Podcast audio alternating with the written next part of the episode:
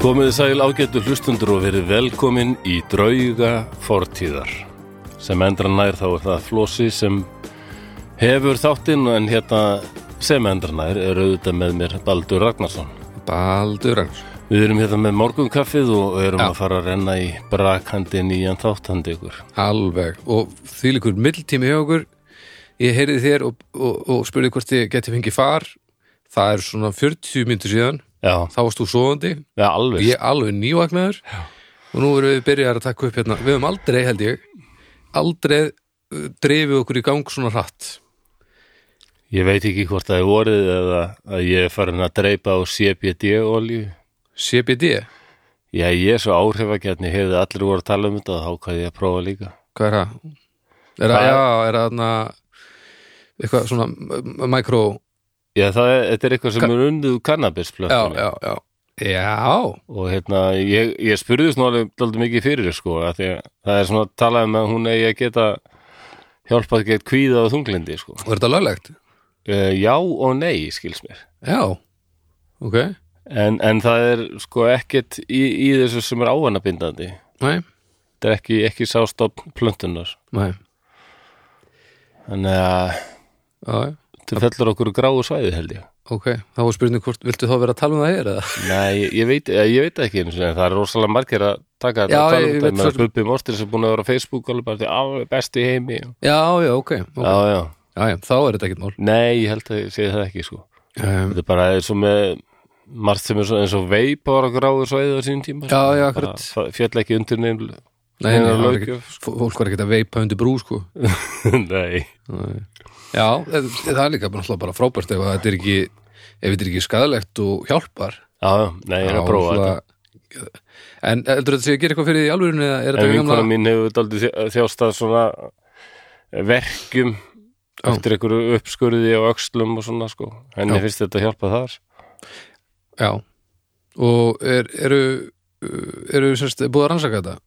Já, það er heilmikið að finna allavega á netinu en maður veit náttúrulega aldrei Nei, nei en uh, já, já, En ég spurðist líka bara mikið fyrir það eru ótrúlega margir að nýta sér þetta menn að hér var hafliðað í Dr. Fútbol sko, er, hefur verið að Já, segja frá því hann er að taka þetta og bara ok hann Er- er- að segist helst finna hvað hann hérna svefnin hefur lagast, segir hann Ok, Þannig að, ég byrju, en eh, er eitthvað til sem, það hljóta að vera eitthvað til sem heita svona hóplifleysur og nú er ég ekki að segja, í þe- ekki í- við þetta, ég bara fór að pæla í því ég hef aldrei hértu það Jú, eitthvað sem er notað kannski í tilröðun Já, jú, og svona það lítur að, að fólk lítur að verða áhrifagjarnara ef aðrir segjast finna áhrif Já. af einhverju þá virkar Svona það fyrir alla, jú, ég meina, placebo-effekt, eitthvað. sjálfsögur það til, sko já, ekki bara um svo sem lif, heldur líka bara hluti ég meina, þú veist, ef aðrir ef aðrir trúa, þá, þá ert þú opnari Já. fyrir því Já, mér finnst ég vera komin út úr þessu þunglindis krassi sem ég fór í hérna eftir áramót sko. það eru góða fréttir, Já, já,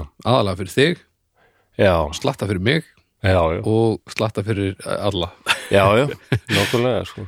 já, það er, það er ánægilegt að heyra Já, ég tók, ég tók letta 13, og- 13 og halvan tíma í svefni nótt já, e- það er, það ég, er svona, ómanarlega mikið fyrir þig. ég bara sef aldrei meir en 10 tíma og yfirleitt bara svona 7-8 sko Já, er ég svona aðgærinlega ég tók hérna helviti langan daga þegar við vorum að græja Patreonið og, og Já. það þannig að ég var eitthvað aðeins fram á nóttina kvöldi áður og það er einhver þetta, þetta er skrítið sko, þetta er svona undarlega lumbra sem hefur, eh, nældi sér í mig þarna en e, þetta, þetta horfir nú allt í betri vegar þegar að þetta er nú alveg, Þetta er má, nú svona- má alveg gera svona af og til. ég þetta er líka bara, st- já þetta er líka bara startuna, ég Já. gerði þetta náttúrulega bara nokkuð sem ég vikku stundum sko, þannig Já. að þetta er bara startuna sem við þurfum að græja svo við getum einmitt eh, til aðeins Já. en, en mér líkar þetta mjög vel að vera sestur hérna bara með bollan Já, þetta er langt best, bara fyrir kluga nýju alveg sammála því. og bara uh, ég er svo mjög, mjög til í að hlusta á þig segja mér eitthvað núna Það er Já, alveg- ef ekki bara bráðum að fara að byrja á því. Eh, Jú, en ekki bara Er eitthvað annað sem við þurfum að tilkynna eða uh, Nei, við erum bara búin að láta fólk vita af breyttu fyrirkomulagi? Já, Patreon málið, við bara, við tölum kannski bara uh, meira um það í lokin uh, ef þið er að velta fyrir eh, ykkur uh, þ- þeim hlutum, þá bara geti hlusta á það í, í Já. lok þáttar og svo er lingurinn hérna í, í, í lýsingunum á þættinum En þessi þáttur sem við erum að taka upp núna, hann verður í opinni dag. Já, já, þetta er fyrir alla Það er ágætt. Þetta er þá svona o- opnið þáttur hvað er þá, júnímánuður Nei, hvað, mæmánuður menna ég Það er 2008 í dag. Já, já, þetta er, þetta er Nei, Eh, já. opin, opin þáttur í mæmánuði Verka líðstagurinn alveg að koma. Ætti maður kannski að smíða sér rauðan fána og og er framþjáðir menn eða eitthvað. það ekki sunnudaginn? Jú, það er sundagi. Ó, hvað ætlar, hvað ætlar hérna Sann Kristinn verkalýður eiginlega að gera? Ha?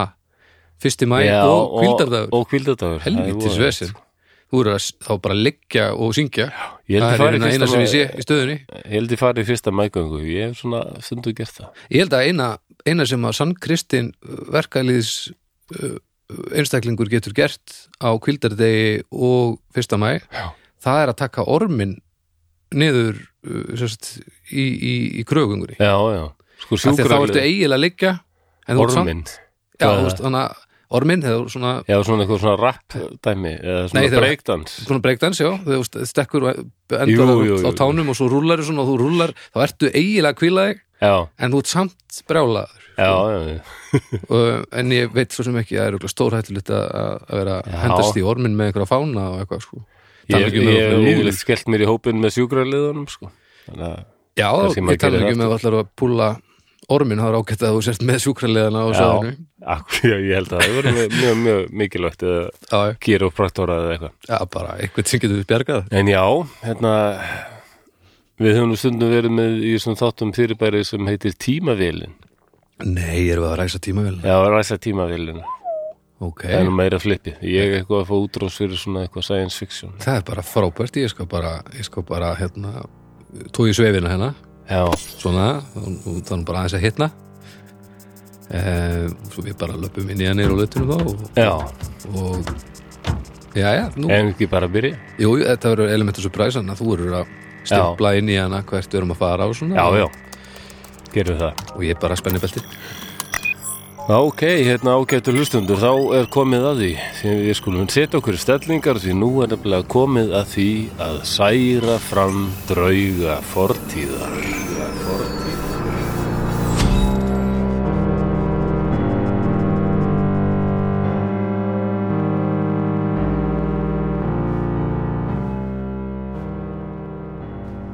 Við hlökkum mikið til. Nýja tímavélin er talin 100% örug. Einnig eru komnir nýjir tímarofsbúningar, svo ekki þarf lengur að passa sig á fólkinu í fortíðinni. Það fer nú í gegnum hann án þess að maður finni fyrir nokkru. Hurðin opnast. Við erum mætt og göngum inn í stóran sal. Einhvers konar leikhús.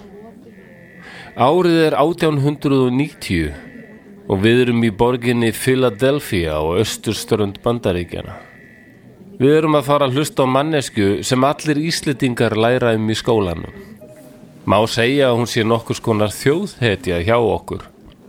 Að minnstakosti á 20. og annari öld, en svo var reyndar ekki áður fyrr. Nei, lengst af var þessi merka manneskja fyrirlitin og um hana ríkti þögn. Nú byrjar fólk að klappa og við lítum í átt að sviðinu. Við þurfum ekki að hafa áhyggjur af útsýninu, því við úr framtíðinni erum miklu stærri en fólk var fyrir 300 árum. Sjálfur er ég um 245 cm á hæð og þykir þó aðeins meðalmaður. Það á ekki við um konuna sem byrtist á sviðinu. Auk gestana í salnum grípum við tímaferðalangarnir einnig andan á lofti. Hún er óbóðslega lítill. Varla meira en 120 cm á hæð. En það er eitthvað öryggi í fasi hennar sem er strax grípandi. Ég skynja að hún hefur nú þegar náð áhörundum á sitt band. Án þess að segja eitt aukatekið orð. Hún hefur mál sitt. Hún talar góða ensku en íslenski hreimurinn er greinilegur. Hann vinnur samt með henni. Hún virkar enn meira framandi en ef hún hefði talað fullkomna ensku. Ég fyllist smá sorg. Íslenska er nánast útdauð en langafi minn talar ensku með þessum sama hreim og ég heyri núna. Þetta er fallegur reymur og íslenska var fallegt mál en nú er hún horfin. Við getum þó ennfarið í tímaferðalag og heyrt hann að tala það. Konan kynir sig, segist heita Ólöf og vera fætt á austurströnd Grænlands. Brátt má heyra fólk reyka upp hálfkeið óp og stara gapandi og Ólöfu því saga hennar er ótrúleg. Hún segir okkur að grænlendingar séu allir svona litlir eins og hún. Hún sé til dæmis ekki svo minnsta í fjölskyldunni. Sýstir hennar hafi aðeins verið 105 sentimetrar. Hún lýsið því hvernig þau byggu öll í snjóhúsi sem var minna en 2 metrar í þvermál. Nær aldrei mátti fara út því þar var 70 stega frost og því hættulegt fyrir börn. Hún sínur okkur hendur sínar sem eru allar herptar og knýttar. Hún segir að það sé vegna þess að Eskimoa börnum sé skipað að hafa krosslaðar hendur allan daginn. Ekki var til neitt tré, svo ef þau hegðuðu sér illa voru börnin ekki pískuð. Nei, fólk rekur nánast upp skelvingaróp er Ólaf segir að Eskimoa börn séu brennimert í refsingarskyni. Þegar hún segir frá göngunni frá Grælandi yfir til Íslands og baráttunni við kvítabirni á leiðinni geti varla varist hlátari. Ég skil nú enn betur hví hún er svo í hávegum höfð á Íslandi í nútímanum. Hún er dæmið um hetjulega sjálfsbjargar viðleitni mannesku sem strax í æskum átti glíma við ótrúlegt mótlæti. Og ég vildi óska að ég geti talað við hann eftir fyrirlesturinn en það er ekki hægt. Við tímaferðalangar getum bara fylgspið og hlustar og ekki er það að leiðinlegt. Þessi litla kona er stórgóðslegu skemmtikraftur.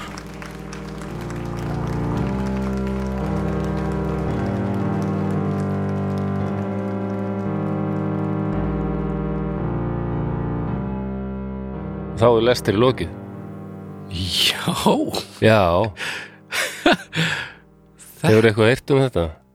Nei. Lítil kona sem heitir Ólöf Íslandingur en samt að tala um Grænland Nei, ekki svo í muni og hérna, ég held að við notum mjög mikið þetta úrælda orð hérna Eskimói, að því að á þessum tíma var það mikið notað sko en, en líka daldi ég, held að- ég flakka alveg á milli þess að nota Eskimói inn úr því að því að það er alveg notað að því fólk notaði Eskimói og, og því er ekki breytt. Ég stiðst rosalega mikið hérna við ákveðina bók Ok. sem heitir Ólöf Eskimói Já, og er eftir mannfræðingin Ingu Dóru Bjarnadóttur ok, kom út fyrir 20 árum ok og ég var bara að klára að lesa hana og ég hugsaði ég verð bara að segja fólki frá þessu Já, já, og fólki eins og þér sem mun aldrei lesa hana þannig að já segðu þetta er mjög mikilvægt Já, þetta er mjög mikilvægt og hún var aðeins að þetta er rosalega merkileg manneska, ég get sagt sagt það strax hún var að færa í stílinn, svolítið já hún gerði nefnilega daldið sem manni kenna þessi,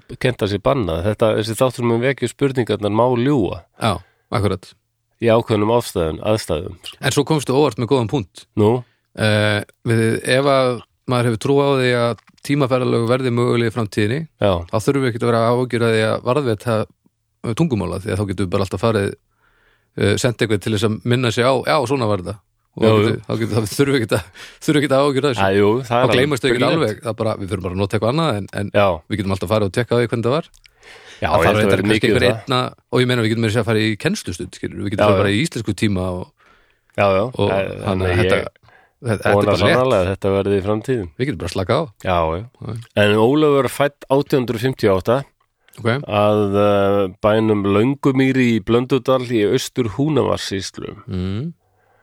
Hún uh, fóreldra hennar hétu Solveig Stefansdóttir og Sölvi Sol Sölvason.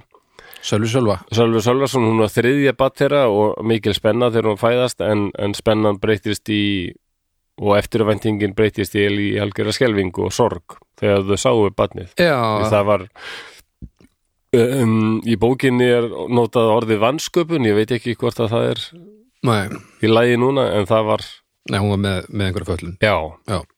sko höfuðið var greinilega alveg óvinnu stórt en fætur og handleggir er rosa smáir Já. það var ekki í, í sko á þessum tíma þá hefur þetta náttúrulega bara hlutföllin alveg kolröng á þessum tíma hefur þetta bara þótt svo erfitt já, a- það er mitt að henni var ekkit uh, uh, sko hugs- hugað líf mæ, eh, hún var með, hún er með svo kallan dvergöxt já, og lífslíkur þeirra batna er eh, víst ennþá minni heldur en þeirra sem fæðast eðlilega já, og á þessum tíma var, var barnadauði frekar mikil þannig að það var ekki búist í því að hann myndi hafa Nei, það var bara strengt rétt, strax ringt eftir, sko, eh, nei ekki ringt, bara sótt sót bóð eftir, pre, sótt bóð eftir presti sem kom strax og, og skýrðana til dæmis, það var mikilvægt að hún færi Já. nú skýrði í víða mold og svona. koma, koma því f- Já. frá svo að, að hérna, hún færi nú til himna En það fyrir strax að verða eitthvað einkennandi við Ólöfu og hún neytar bara að gefast upp, sko. já, Hún hann er alveg þroskast sama bara- fordóma samtímans Já, og hún er, uh, hún er svona survivor, sko. Mm. Það er allt hennar líf einkennist af því. ok, ég til í þetta djúli, Hún- hún- þetta, þetta líst Hún mér vel á. braggast bara alveg ágætlega. ok, nema að hún náttúrulega vex lítið sko. já, já, en hann náttúrulega vart þarf að taka fram að vera dvergur á 19. það er nógu erfitt í dag mm, en að var á 19. öld þá hefur það verið miklu miklu verra sko. já Nú þetta voru tíma þegar vinnan var álitin æðst allra degða, fólk alltaf að vinna og hérna, þetta er ennþá svo stert í okkur íslýtingum, jættöld þegar ekkert var að gera í raun sko. já, þá voru bara allir látnir prjóna, kallmenn og konur og allir bara, og, bara prjóna út í buskan já, bara, já, já, já bara, bara alltaf láta fólk gera eitthvað sko. bara búa til lengsta trefil húnaðarsýslu Já, yðjuleysi var náttúrulega þótti alveg sko Ó, ég elska yðurleysi. Já, saman hér Það er illa næs. Djúvill er það næs og djúvill er það mikil forréttindi. Slakið á þarna í gala það. En Hún vex úr grasi og hún kemur líka í ljós að hún er vel gefin, hún er klár Mhm. og mjög, mjög duglega að vinna sko Hún Já. vill taka þátt í þessu og ge- gefur ekkert eftir sko Þarna er náttúrulega ekki til neitt sem heitir unglingur heldur það er bara bann, Nei, bann, nei. bann, bann, vinna. Já, já, já, heldur betur og krakkar voru líka að prjóna og gera allan fjöndan Já. Ka ka morgun kaffi hérna Sko- hjá okkur, þið afsækið það. Já, einmitt Ég veit að Inga Dóra stýðist mjög mikið við æfisögu hennar Ólafar sem kom út í bandaríkjum 1887 Mm En það er eiginlega ekki stækt orði í þess, þeirri sögu sem er satt. Já, ok. En lýsingarnar á Íslandi eru svona mestu nálægt sannleikunum. Ok. Ég hjó eftir því að hún nefnir sko að það var aldrei mikið drukkið sau- sauðamjólk Já. sem Í, fannst já, já, já. úr sauðfé. Eh, já. En sauður er nú reyndar hrútur, þannig að ég var fyrst býtu hvað, Já. hvernig, hvernig er það hægt? Þetta er ægilegur, ægilegur shake þá. Já, sauður er geltur hrútur. En svo kannaði nafni sko, þetta heitir sauðfé Mm og þetta kyn er eiginlega komið úr orðinu sko söðkyn Já. breytti varð söðkynd Nú, á, þetta er eiginlega hálfgjört skrýpið þetta orð söðkyn. Var Já. það, átti það að vera, já það er bara yfir þetta. já, og þetta Söðkyn. kyn fyrir að breytast í kind Já, já, en Danir kallar til dæmis eh, kindur fó, já. fó sem bara fjö og, já, og færeigjar heita í raun fjáreyjar sko. já, já. þannig að það er allir í ruglinu, það er það sem við erum búin að já, komast að alltaf. kind er eiginlega dálítið nýtil, nýtilkomið kind er bara, já það er hver, kemur bara hvergi það er en- engin með neitt í nála Nei, ekki Það nema er hérna, merkilegt. ég man að það var alltaf einhver brandar í Ekki með sveitinni, kyn- sveitinni að hérna, einhver þjóðveri var að spyrja hérna, h- hann var ekki sterkur ennsku var að spyrja bónda hérna, how many uh, kinda, kinda? já, Já, ég, uh, það eru svona 1000 en ég held ég slátri nú 500 í haust já, akkurat þetta var svona rosa brandar í já, Ah, já, já og þú eru að útskýra kind eh, það er sem kindir, sagt- já, það- það kindir er á sem Eh, íslensku, nei, þýsku sagt- eru sem sagt börn. börn, já, það það var svona grínið já, já, þetta var svona smá grín Eh. já, Ah, já, en býttu, já, þannig að þetta átti að vera kyn söðkin, já, söðfjö Ah, Sauðfé, já. þess söðfjö að kyn var það kind já, já, ég er að fara nýra húð og kind ok, höldum ok, höldum burtu frá kindinni fyrir hún náttúrulega var fyrir rosalega stríðni og aðkasti vegna dvergvækstarins Já. en það verðist sem að foreldrar hennar- hennar hafi stutt, stutt hana pappi hennar Sölvi sem nú verðist hafi verið rosa karakter Mhm. hann var mikið hérna skáld sko og svona skemmtikraftur Já. mjög vinsæll á mannamótum að því hann gunni fullt af vísum og bjó til vísur sjálfur Já, og já. eins og við höfum talað um áður sem þáttum það voru þannig menn voru aldrei popstjörnur sinna Já, tíma sko sá sem getur uh, sem hjálpar þér að gleyma daglega amstrinu og, og, Já, og vondurleiktinni ég held að Sölvi sko, hann reyndist ekki góður bóndi hann var Nei, alls ekki góður búmaður og hann var daldið fyrir það að leittist bara þessi störf mm. hann var daldið fyrir það að bara sitja bara og vera að búa til vísur og svona já, já, já, Já, ég hef samúð með Sölva og ég hugsaði bara að við tveir varum, okkur væri hent aftur í þennan tíma rosalega held ég að okkur myndi leiðast maður. já engin gítar eða píano og eitthvað alltaf að vera að vinna Öruglega, öruglega ekkit, ekkit langspil á hverjum bæ sko. Nei og langspil hljóma, það náttúrulega bara eins og verði sé að steikja grís yfir Já. hægum eldi Já, sko. en frekar, frekar en ekkert þetta, sko. frekar En já, já, já, ég veit ekki Ef maður þekkt ekkit annað þá kannski Já, en Ég veit það ekki. þekkt ekki annað það er kannski, það er málið uh, En ég veit ekki En hann samtið til dæmis vísu til Ólafar dóttur sinnar okay. sem er voðalega krútlegt og bendir til e-mails ímislegt að þau hafi nú bara þótt mjög vænt um Ólöf sko og engin ástæð til að halda annað sko Nei, nei, nei. Nema, Hún er kannski, svona engan samtíma finn ég fólki. ha, nema kannski einhverju fordómar í samfélaginu sem uh, voru á þessum tíma eða hvað? Já, já, miklu verri heldur en í dag sko. Já, þannig að það er spurning, þú veist, kannski, kannski eh, kemur það ekkert eitthvað stórkoslega óvart en kannski er það ekki sjálfsagt samt. Nei, einmitt Já. En sam, vísan er svona engan finn ég á þér brest Ólöf kynna rjóða Þú ert minna barna best Blessunin mín góða Já, Átt þú ykkur að vísu sem pappiðin eða mamma var samið þig? nei, ekki sömuninni sko. Ég bæti inn hérna persónulegur í reynslu því að pappi minn dóð þegar ég var átt ára en hann var daldið í þessu að hnoða saman einhverjum vísum sem hafa varðveist Já, Ég á okkur bækur eftir hann, dag, dagbækur og svona ímislegt sem hann er að skrifa. áttu? Já, Já, þar fann ég til dæmis þessa vísu hérna. Fljúðu litli flosi minn, frjáls til drauma landa. Englar varði veginn þinn, vel til beggja handa. nei, Jú, jú, þetta er eftir pappa. shit, Það wow, er gaman að eiga þetta. heldur betur, Já, já. þetta er rosalegt, Þetta er þetta vissi krúttlegt. ég ekki. Þetta er fallegt. Já, þetta er daldið skemmtilegt sko. Ég á nú bara, ég á einhverju upptökur að því þegar ég og pappi erum að, hann er að spila á gítar og við erum að syngja saman. Já, Og hann í ok, bílnum það er lítill, frábært, Sko. maður. Það er mjög gaman, sko. Já. Og mamma, og mamma græjaði það yfir á, á form sem glatast ekki. Já, flott í hænum. Þannig að það eru, já, já, já, Já, já. Já, þetta hérna. er rosalegt. Þetta, viss, ég, þú átt dagbækur. Já, hann held þar stutt sko, hann var eitthvað þegar hann var í skóla og laugur og vatni og svona Já, en það er alveg gaman að þeim sko Mér finnst alveg lá- gaman, hann byrjar alltaf að segja hvert, hvernig veðrið já, er sko. þess að segja. Tíu gráður, Hann segir hægur andvari Annars er þetta ekki dagbók Suðvestan manns á Íslandi á síðustu. Nei, nákvæmlega En já, hérna, framtíðar möguleikar Ólafar, held að henni og öllum öðrum hafi skilist að það þetta gæti orðið ansi erfitt líf, því að líf á Íslandi á þessum tíma var alveg svakalega erfitt Mm.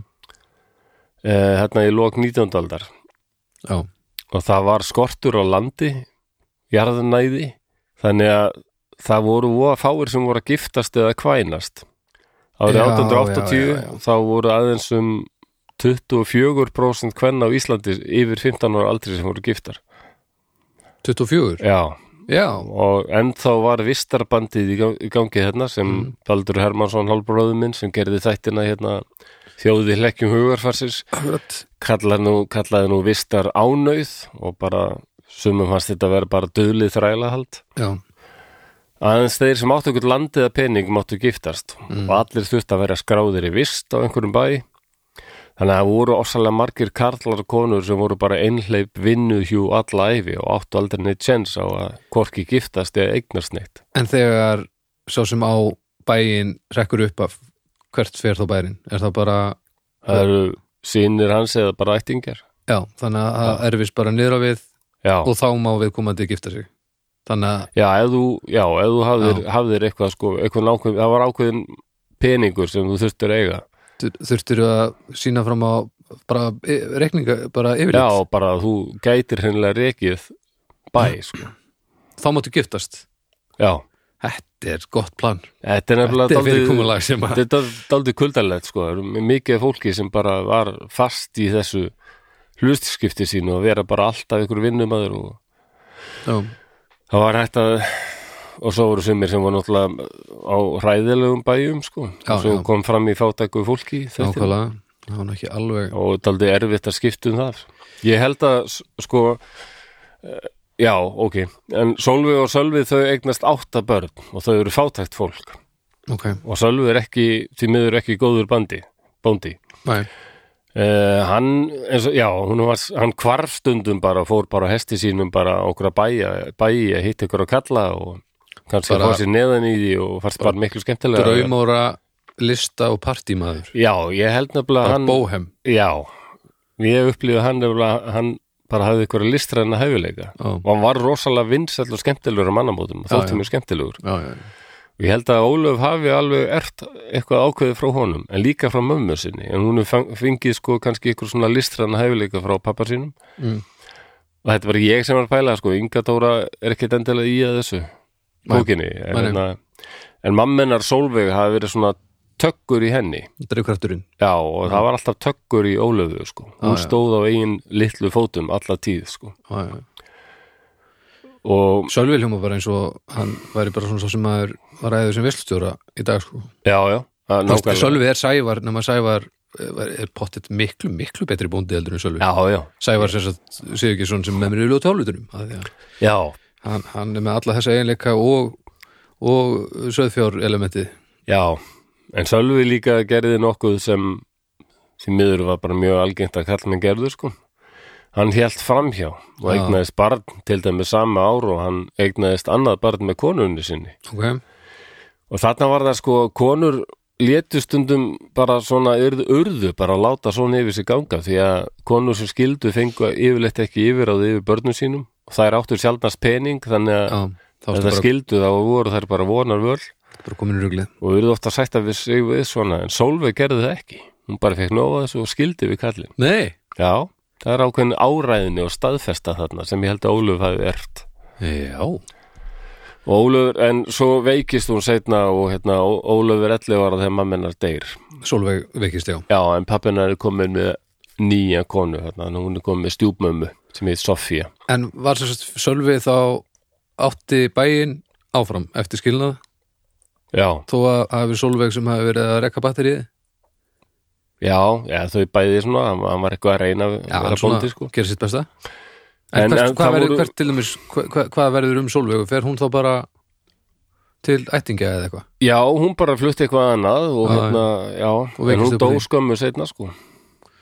Já, ok En hérna, í lok 19. aldar, þá ko- var taldið um það að það voru umbóðsmenn frá Kanada og Bandaríkjunum að koma til Evrópu, Já. svona svo kallaðir Ameríku agentar. Já, agentar Af því að það var bara, þetta var í allir Evrópu var bara mikið um fátækt og þarna er sko allir þessi miklu útflutningar frá Evrópu hefjast. Já, Allir að fara til bandaríkjana. já, já, Margir ítalir og pólverjar og, já, já. og þeir eru svona að lokka fólk til nýja landsins og Mm, eru til dæmis til Kanada sko að bjóða fólki að þið fáið hús og hús sem er kannski með elda vél eða eitthvað svona ný, nýmóðist tæki Já, og já. bara allt fáið þetta með land og já, ég meina þetta er, já, já. þetta er alveg tilbúið til að skoða það, sko. og þetta litla ísöldin var í miklu stuði þarna á þessum árum 1875 gís askja kaldur, ásvo kaldir vetrar Já. mikill hafís Af öllum þáttunum sem við höfum gert þá held Já. ég að, að- og öllum þeim sem við höfum talað um í þessum þáttum, þá held Já. ég að að litla ísöldin sem mest í fáutin já, hún kemur oft upp sko Já, hún Já. er alltaf með vesin það er aldrei neitt svona, heyrðu, litla ísöldin hún reddaði því nú, aldrei nei, það er aldrei hún, Hún er alltaf að algjör. skemma, Já, alltaf já. að skemma fyrir öllum og Íslendingi er bara nýbúin að nema land hérna og hérna er bara hlýtt og fínt og Já. bara, allt í henni bara Halló, ég er komin já, já.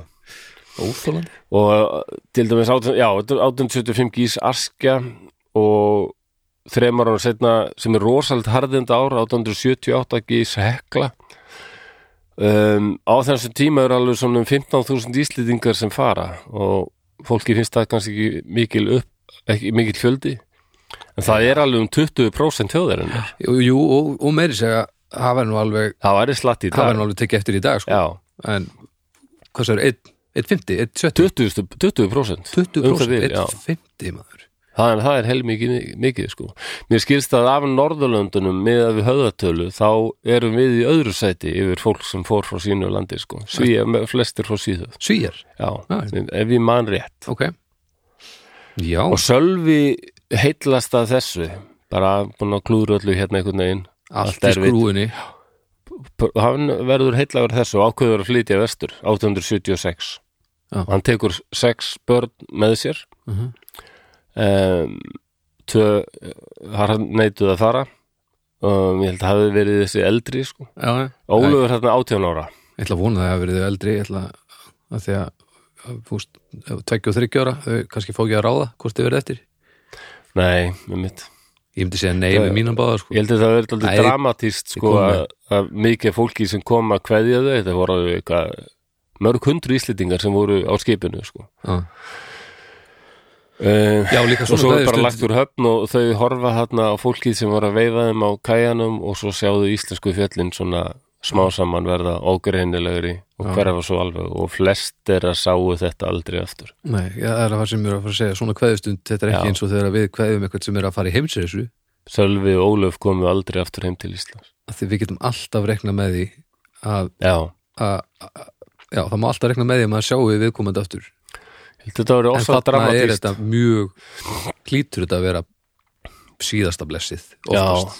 þetta hefur verið dramatíst sko, með þau sildu burt frá Söðukróki þannig nú fallið þar já, og hérna að ég held þetta að vera óa dramatíst margir sem vo- vildu kannski ekki tvara sko, en bara nei, nöðsin akkurat Æ, já, já, svo komu þau til Kanada, þau siglaði til Skotlands og eru þar í nokkra daga og bara á Glasgow, sko, hefur bara aldrei Já, ég vá. séð annað eins.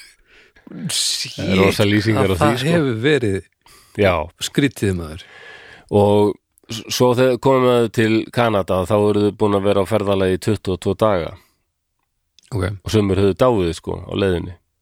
uh, já, Já, ekki síst lítil börn, sko. uh, hungur eða, Já, og bara Kuldi og- heilsu lítil og Já, svona já. engin læknistjónustu þarna og já, Eh, En þá fáðu þau rosa sjokk að þau eru komin til Kanada því að þá er ríkistjórnin búin að taka tilbaka þetta gilliboð. Það er ekki lengur í bóði, sko. Æ, Já, nú, ef, nú verða, verða þið eigut pening að þið ætla að fá land hjá okkur og verða að sína að þið getur staðið undir þessu. fó Já, þetta er rosalegt. Þannig að þau, djúvill er það brútal maður það er mjög, þetta, þetta er svo brútal og erfiðir tímar þarna. Þannig að stóð bara sölvi greið þarna slippur og snöður, sko. Mm. Nei, og margir, pældu- miklu, margir, miklu fleiri, sko. pældu líka í það, kom einhver drulli að vestan til að segja þér Já. þú kemur, og þú ferð alls konar, þú leggur á stað þú jafnvel endar með því að- að að missa barn á leiðinni svo mætur þú bara Nei. Já, þau vo- voru að að fara að flytja til land sem kallaðist Nýja Skotland Mhm. sem ég, ég veit ekki alveg nákvæmlega hvar það er í Kanada en að lokum þá fenguðu þau smá styrk til að flytja til land sem hétt Nýja Ísland já, sem er eiginlega þarna í Manitoba þar sem Winnipeg er. já, akkurat, er það vinnupeg þar sem er ennþá mikil svona vestur íslendinga já. Í, í Toronto þá farðu samt þar held ég að, að það hefur verið dálítið mikilvæg heimsótt fyrir Ólöfu því að þau borga Mhm. það er fólk sem er að borga fyrir að, að sjá dverga hjón já, bara horfa á tvo dverga sem eru nýbúin að gifta sig já, svona lítið fólk en að ég held að unglingurinn Ólöf hafi alveg fengið smá hugmynd um, ó ok, þetta er hægt Eh, er eitthvað vitað hafði hún fyrir þetta séð aðra aðra með sem, sem hafa fæðst eins nei, það er umlega ekkit, ekkit sko vita, vita um það Nei. En Þetta um gæti að verið í fyrsta skipti sem hún er að sjá aðra þegar ef dvergar að, ef að hérna, lífslíkunar eru taldar engar hérna heima þá, Já, þá náttúrulega uh, bara er þetta þá í fyrsta skipti já, sem já að, og líka bara að vita það að, að hún er ekki ein sko. Men það er eitthvað erfitt að átta sig á sögu hennar af því að þótt hún hafi gefið út æfisögu þá er svo margt ósatt í þeirri sögu sko. en að Inga Dóra hefur þurft að týna þetta til svona hérna og þaðan sko eins og fræðimenn gera Hvenær kom þessi bók út hjá frá yngu séru? Var ég held hún sittur frá árum? 2004, mér minni það Ok, já, 18, 18 ár, já, eða 2002 Já. Næ, já, annarkvort ok Ég skal fletta þið bara já, ég, er ekki, ekki, ég tók hann ekki með mér Nei, allt í góðu 2004 já, ok, 18 ára Mhm. en ég var bara að lesa hann núna ég hafði aldrei heyrt um þetta það Nei, var þetta bara er, bent á þetta þetta er mjög já, hún er mjög skemmtileg fæsta bókarsætninu bara í mæli með Já, og hún er líka að mér sýnist Nei, hún er uppseld núna hjá, hjá hérna forleginu, Já, já, já en hver veit nema að því verið kipti í liðin Já, sko vingunum mín vinnur á bókarsafni, henni fannst hún sjá kipp í fátæku fólki í útlegu þegar eftir að Bókinni, við sem já, sagt Já, en það er vonandi, já.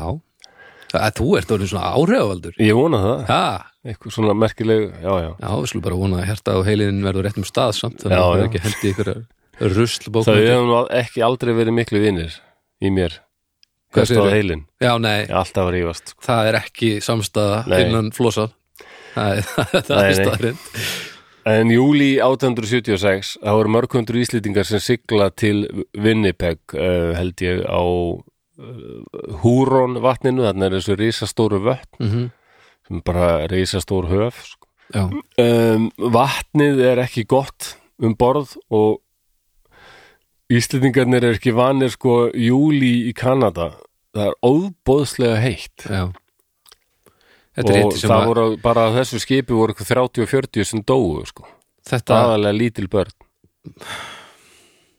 vatnið bara var það, maður sko- pælir í því lélugum gæðum að því maður er ofta hugsað um þetta að fólk hafi lagt í svona ferðir og eitthvað já, en maður fattar ekki fyrir en, jú, jú, maður fattar það svo sem maður pælir ekki í því hvað hvað þú ert að upplifa margt í fyrsta skipti sko. Ég- þetta er menningarsjokk þetta er, þetta er ve- veðursjokkið þetta Já. er þetta er, og bara stærðarsjokkið bara Já, heldur sjá betur. heiminn, hvað hann er stór ég Já, meina, já. þú búið á Íslandi, kannski innan ákveðnar síslu þú hefur farið í einhvern kaupstað sem er samt bara eitthvað kúka kaupfélag einhvern stór út á landi og það er svona stóra ferðalagi, þú veist, ég man alveg eftir því þegar ég bjó á laugum 0 til 6 ára gamall þá var Húsavík stóra ég er mitt akkurat.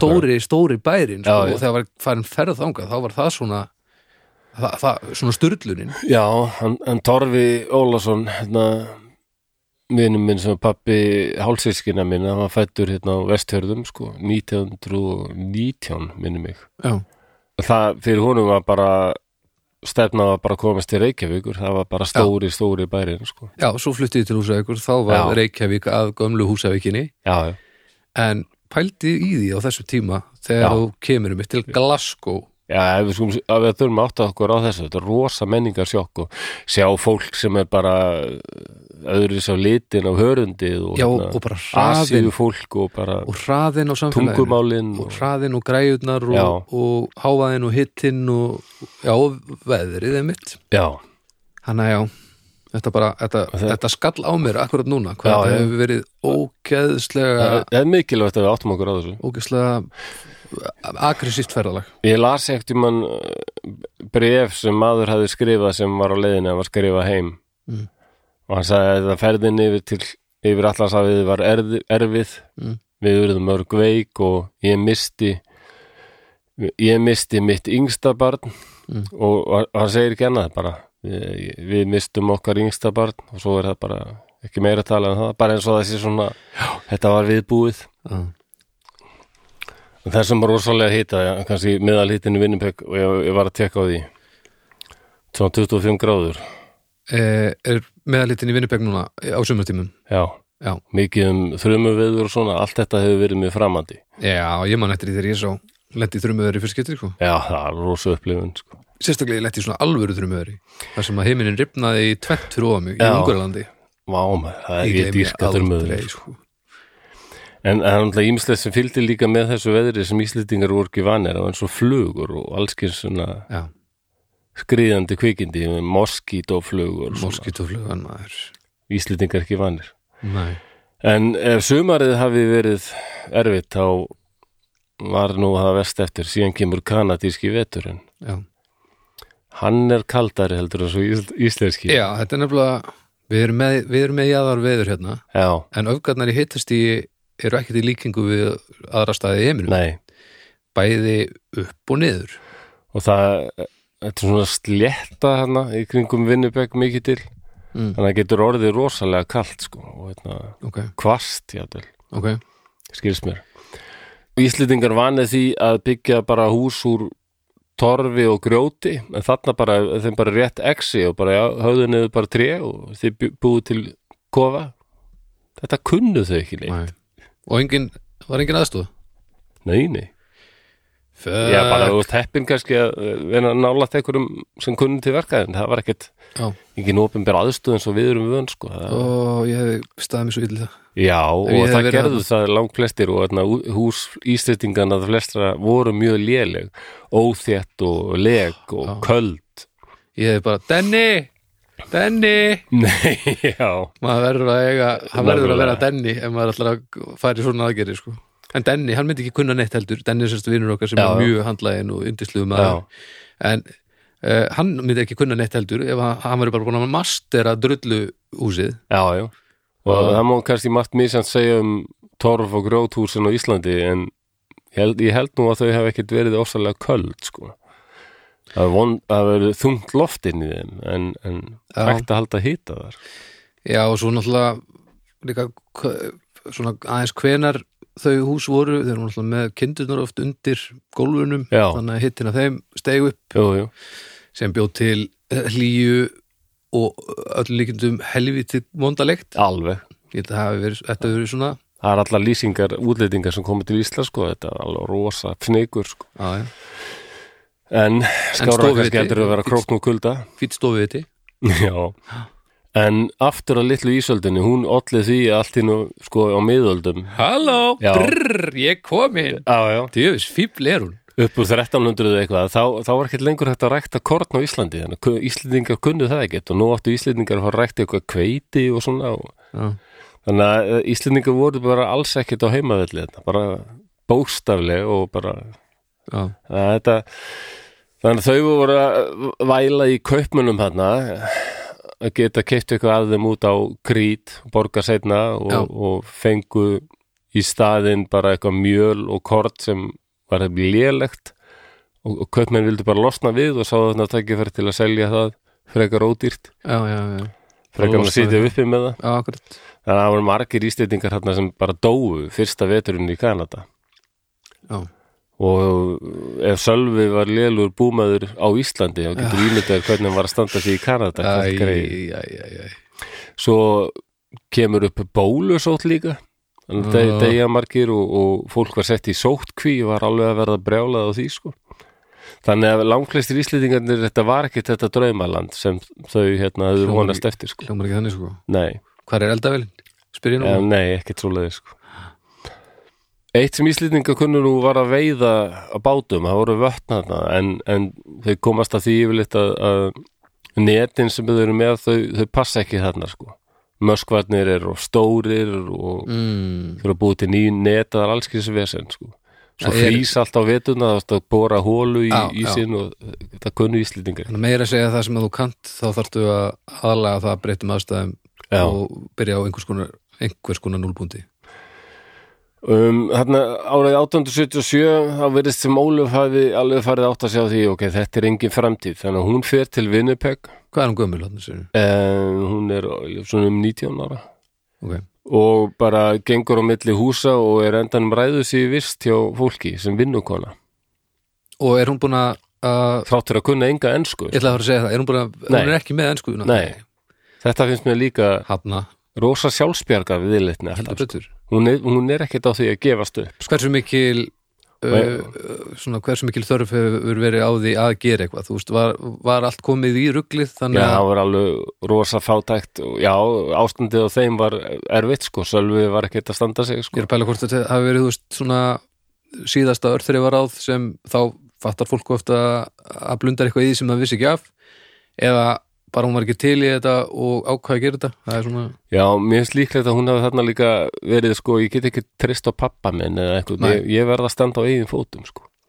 Það Ok. er mjög líklegt að hún hafi verið bara farin átt að segja því já, ok og mér finnst þetta nefnilega magnað, það kunni enga ensku en hún er samt ráðinni vist Já. að því það kemur í ljós þetta að hún var alveg orsalega sjarmerandi já, eins og þannig í inganginum hún náði árundum og sitt band hún varð alveg fræg fyrir það og það eru til margar lýsingar á því þegar hún var að halda fyrirlestra já, hvað hún sko, hún heitlaði alla gjörsamlega upp úr skónum já, já hún var alveg bara performer af guðsnáð ok, þannig að hún hafði þá hæfileika sko frá pappa sínum ég get alveg trú á því ha, hún hefur fengið svona best, það besta úr þeim báðum þannig að þetta er erfitt og íslendingar flikkjast aldrei til Winnipeg sem er í orsalur uppgangur ok, í þeirri borg þarna mm um, og enda flestir í, í hverfi sem er kallað Shantytown sem er með lélugum húsum er alveg halkið slum Mm.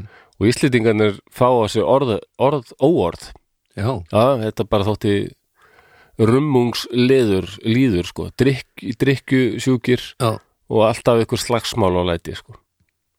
og, Fekar ömulegt lið í slýtingaður og var það samt ekki þannig bara að Jú, jú, Já, já, þannig að þetta það var var engin ástæð þetta var ekki orðurómur Nei, nei. þetta, þetta, bara, ha- þetta var bara svona um Já, Inga Dóra bara búin að finna staðfestingu á því já, en það leiði þessu fólk illa og bara áttu Já. erfitt með að koma undir þessu fótunum og svona nákvæmlega, já, ég er alls ekki að segja að þetta sé ekki ég hef ekki skilning sko Nei, nei þetta var ekki orðurómur sem sagt Nei. eingöngu. Nú á endanum þá Solvi, Sölvi og Sofía þau flýtja til Dakota og Já. þar er lífið nú betra hjá þeim mm. og Sölvi er búin að hann er orðin svona smáskamtalæknir mér finnst þetta svo fyndið orð er hún smáskantalegnir? já, svona homopati svona, svona, Nei, svona náttúrulæknir einhvern veginn í alveg já, hann er farin að og hva, hann er farin að hafa fyrir sér daldum með því hvernig var homopotið þarna á þessum tíma? bara er, er búið til ykkur seiði og grös og svona hann er Svona pekkaði remedy- þetta eitthvað svona- upp sko. svona remedíður einhverjar já, það þetta er eitthvað svona sikurpillu sitt líka í dag er það ekkert verið í því sigurpillur já, þetta er alls konar djöfla sér í dag sko já, já, en Já, það er þessar remedíur og byrju, nú, ok, nú er þetta, þarna, þarna verði ég brjálaði, sko. ef nú okkur Hóma, hómapata sittið. já, getur vel verið eitthvað að þessu hafi alveg virkað sko, en alltaf fullt af jurtum sem eru Það var, grunnurinn af þeim jurtum er notaður í lif í dag þannig að já, já, en, morfín er nú bara beint úr valmúanum en hann, já, en hómapata þessum tíma er þá bara búa til einhver svona segiði, það er Já. ekki já. rama hugmyndafræði þetta að þinn eitthvað út uh, og því meira sem þú þinn nei, ekki snáka olíu sölum aður sko Nei, en hómapatar í dag eru búið til svona remedíur sem styrkjast eftir því sem þú þinnir er meira út með því að hrista þér ákveðin átta og eitthvað, já, já, ok, sem er algjör helber fokkin djöfla já, ég þekki það ekki uh, en Sölvi er ekki þar nei, Þa, það er, Það eh, bendir á þessi ekki til vitt þess, sko. en ég held að svo pæling hafi komið sérna sko. en, en þ- þarna sko hún fer ekkert með þeim, hún Ólöf hún er áfram í Vinnipeg að vinna hjá þessari bara- fjölskyldu sem hún komst já, og það er náttúrulega margir íslendingarna þeir eh, þoldu ekki skóana í Kanada og heldur ekki sléttuna í Dakota þetta bara var heimkynni sem voru þeim þeir, og framandi bara já, framandi Já. og endan voru margir sem flutti til Washington fylkis í Bandaríkjunum já, við sjóin, þar er ákveðin borg sem, já, já, já. sem heitir Battle Creek ef ég mann rétt ok Uh, það var alveg nokkur hundur íslýtingar sem enduðu þar þar eru þau aftur á móti frekar svona vel liðnir Af því að þá kemur í ljós að allir íslenski kallmenn virðast hafa eitthvað reynslu af bátum og Já. veiði já, og fengu á sig það sko orð að vera alveg rosa góðir sjómenn já, það og eru það voru duglegir. líka norðmenn og svíjar sem fluttu þarna sem bara þótt að þeir hafi kannski verið vanar í skóum og svona þá bara já, sjórin spilaði þetta aldrei stóra rullu já, skilji og mér finnst alltaf undarlegt að vera lengi í burtu frá sjónum sko. ég fer að sakna hans já, og eh, ég segi það sama sem mér fyndi að þegar ég hef aldrei unnið á sjó þú veist, ég hef aldrei verið sjómaður ég hef Nei. bara, bara, jú, jú, verið gæti já, já, í, í smástund en, en þetta hefur alltaf einhvern veginn verið á svæðinu já Og- það er nefnilega máli og það er rosa sk- skrítið þegar að þetta er ekki á svæðinu já, það er það ég bjóð í Það- Danmörku þá sá ég aldrei sjóin þar sem ég bjóð sko. já. mér fannst það bara undarlegt sko. það breytir mjög miklu fyrir mig núna að ég sé sjóin út um stofuglögan já, það er rosa gott líka ADHD væs held ég að sé gott að hafa eitthvað sem er svona stanslust á já, yfirvegaðri hreyfingu já, það er gott til þess að svona aðeins að róa, róa þetta akkurat ég kerði akarann þessum um daginn og var að labba á langarsandi það er alveg æðislegt já, þetta hljóð í sjónum, sko, ég dýrka það Þannig að Sölvi kvílir núna í ómertri gröfi í Washington en, en ég held að orðstýri hans Já, hafði byrju, byrju, byrju, byrju, hvernig dóðan? Dóðan bara? Eh, hann dó setna, já. Ég veit ekki, mann ekki nákvæmlega hvað ár. Já, já, já, ok ég, En hann, hann, já, ok ég, Það bara, ég held ég Eftir mista að einhverju þau flutti í Washington, þá deyr hann nokkrum árum setna. Já, ok, Og, en eh, ég var nú aðalega bara að spá í, sko, þessi orðstýr hans, hann, og hans er helst minnst fyrir það að hafa verið svona skáld. já, Og til dæmis barnabarna hans orti um hann lipur ljóða smiður, löngu mýrar sölvi, mælti ofta munni, mergjaða rýmna stuðla. já, Þannig að það er hans, já, þetta bara þetta var svona listamæður sko. ok allir þurft að vera ykkur bóndar hérna en um, það er leiðið misjaflega vel fyrir fólki Já, já, svolsveg en aftur Ólufu, hún er í Winnipeg menn árið 1870 þetta 200 manna þorp og það er ekkert þarna kirk, engin kirk ef ekki neitt sko.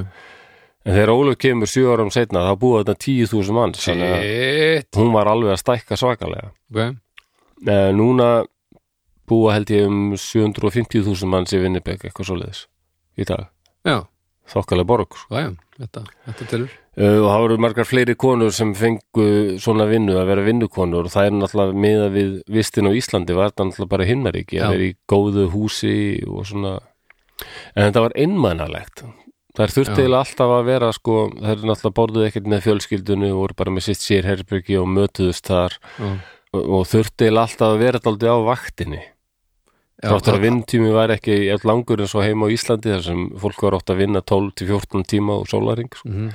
þá, þá kannski henda þetta ekki öllum og mér, það er Þurftir að- jólíklegt að Ól- Ólöf hafi hugsað þetta þetta gengur ekki Ok, og hún te- nýtir tækifærið þegar að kemur farand fjölleikahús frá bandaríkjunum til Winnipeg já, og hún bara tekur að sér vinnusvönduna og æðra stað og hittir bara forman fjölleikahúsins og segir ég vil fara að vinna fyrir þig djús, mistari hefur hún verið verða hluti af fríksjóinu Já. Ég ljótt að kalla það það, en þetta var kallað Já, fríks og já, já, það var svona konur með skegg og fólk, fólk sem var við höfum nú aðeins komið inn á þetta í þættinum okkar um hann Jóhann Rísa já, já, heldur betur hann gerði þetta líka sko Já. og var með þarna til dæmis maður sem var með þrjá handleiki og svona sko Já Ok, og hún meina hún var klár, velgefin sjarmerandi, reffileg og hún alltaf bara fekk þetta starf já, þannig að hún bara fer með sirkusnum og, og lítur aldrei tilbaka til Winnipeg kom þangað ekkit aftur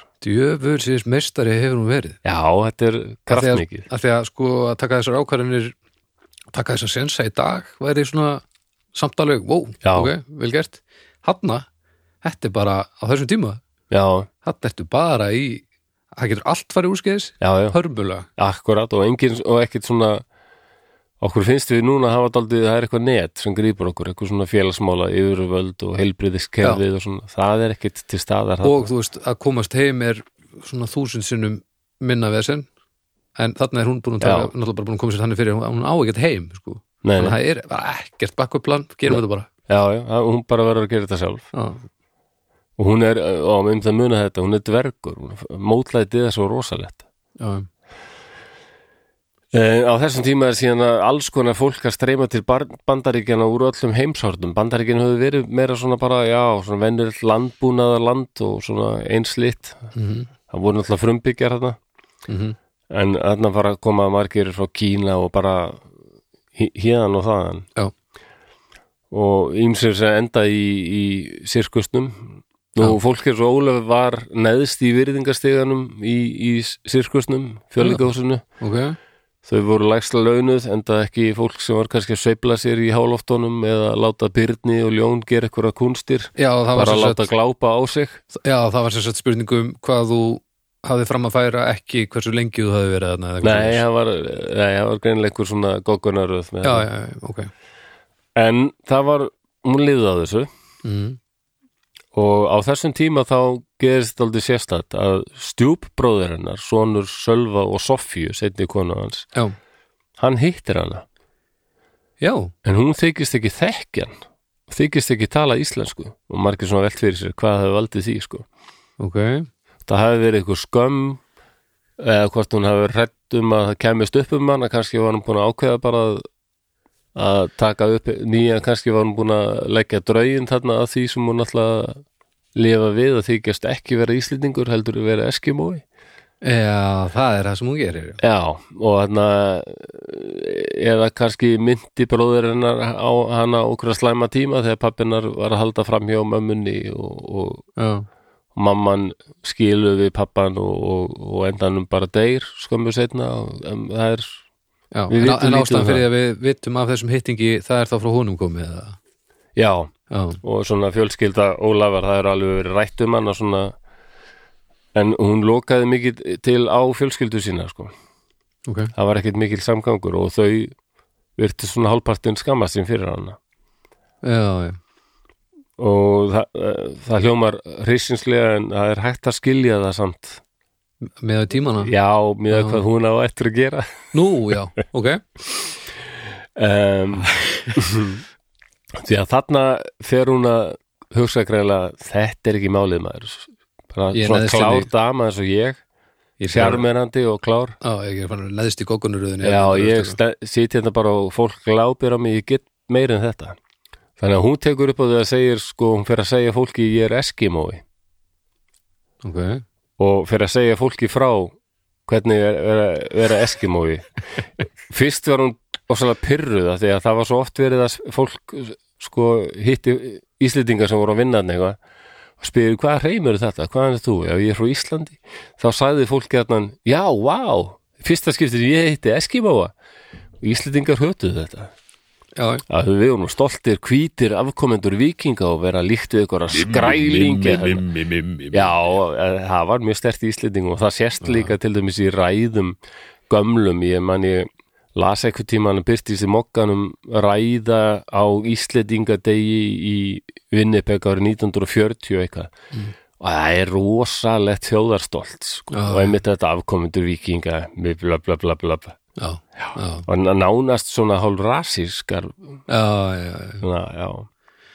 Já, það er Þannig alltaf að- þetta helviti staður Þannig að það, margir Íslendingar hættu bara að segja hvað þeir voru að þeir var alltaf að heyra þetta með Eskimóin og Ólöf hefur líklega fengið ykkur hugmynd þarna. Ok, Já.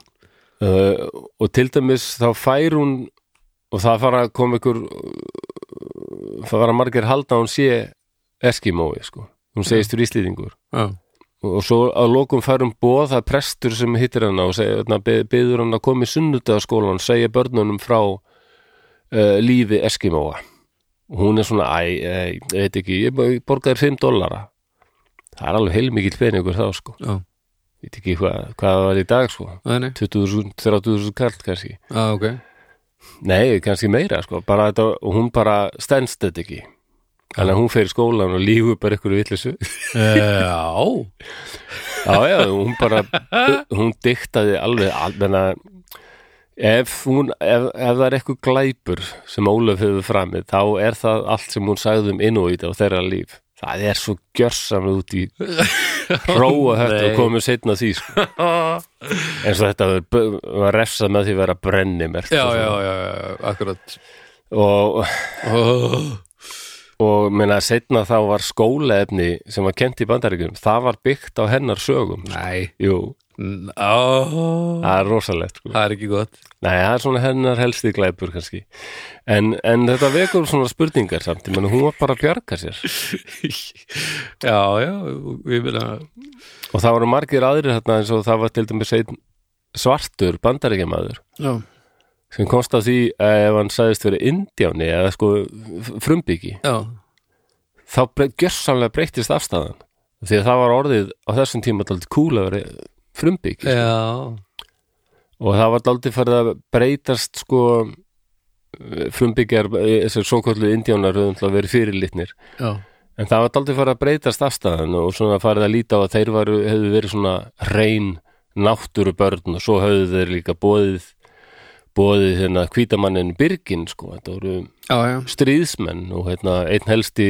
hersöðingi bandaríkjana í norðan hernum 1865, William Tecumseh Sherman, Já. millinafni hans, pappans, gaf hann það út af því að það var einn helsti sko eh, stríðsmaður frumbyggja já, já, já. Tecumseh og setna átt þetta, þetta átti að verða líka um innúið að þeir voru svona lítið af þau sem svona harðgert náttúru fólk sem kannski bjói yfir einhverju meiri visku sem við hvíta fólkið vorum búin að glata Já, ég, og það eimir ennþá eftir að þessu í dag ég er uh, til í að, að þetta, þetta er alltaf fólk sem er að, mjög mikið til uh, tengt náttúrunni harkalega Já, en eins og þetta þegar við erum að tala um að, að frumbyggjar Norður-Ameríku sé að tala við, við dýrin og, og, og þú veist, í meiri tengslum við einhver aðri máttarvöldu og eitthvað, þetta er bara þetta er bara, en, þetta er bara jaðarlarp, alveg þú já, veist, já, þetta, og þetta, þetta, þetta er í svo mör- gengur yfir alla fyrir mér sko svo mörgum bíómyndum og og, þá, svona. en ég, ætla- að, við skulum alls ekki gera lítið úr öllum fordómum og ég tala nú ekki um uh, þegar að,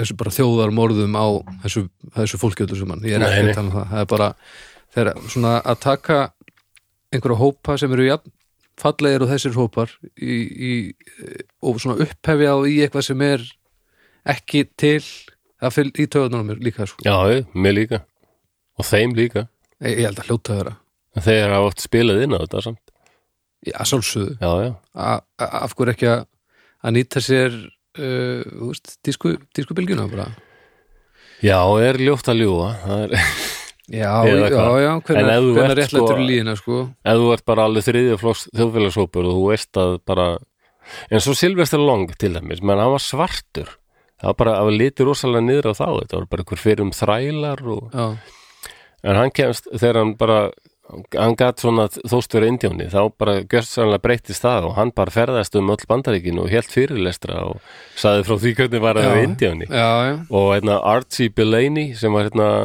hann var af uh, yfirstjætt í Englandi Mm. en hann var svona svart í söðurinn sko, ofsaleg fyllibitta og endist ekkit í skóla eða vinnu ok en hann var svona daldið indjónalegu líka já, þannig að hann gerir þetta sama sko þóttist vera sko Sylvester hann kallaði þessi Buffalo Child Buffalo Jack, já, bara vísundabarni að ég, ég er Buffalo, Buffalo Child Buffalo barn ok, og, það er- og, þetta er- ok, ég hef hugsað þetta aðeins Já, já, og, og þessi englýtingur Archie, hann hérna kallaði þessi gráa ugla.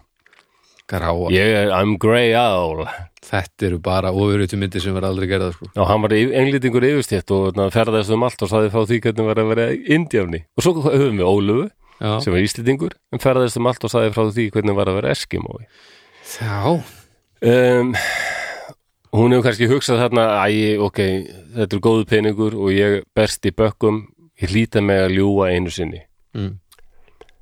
og hún tekur þetta jobb og fyrir skólan og segir krökkunum sem bara gapa hlusta á hennar lýsingu alveg gapandi og presturinn segir öllum frá þessu þetta var alveg rosalegt að fá þessa konu þetta Mm. þetta var alveg bara besta hugmynd sem ég fekk þannig að aftur er bankað upp á hjóðinni Æ. þarna fyrir einhver snjóbalt að stað af því að þarna var áhugi fólks á svona skrý, ja, innan gerðsalapa skrýtnu fólki framandi og framandi landsvæðum já. var að aukast svo svakalega já, það var ennþá stórir, stór svæði á landinu, á, á, í, á jörðinu sem voru ennþá sko ókönnuð já, já, nokkulega Þannig að- og fyrir fólki á þessum tíma var þetta náttúrulega bara eins og þetta fólk væri frá annari plánettu sko, eins og fyrir Já. okkur í dag sko. Já, já. ef kemum bara einhver grett marsbúi hérna og fara að segja okkur frá lífun á mars við myndum örglega vera bara, wow Við Í myndum, alvöru? allavega, já, við myndum allavega ekki rekna með því að vera- vera að ljúa nei, nákvæmlega að endanum er þetta bara Ja. orðið svo mikið að hún ræður umbóðsmann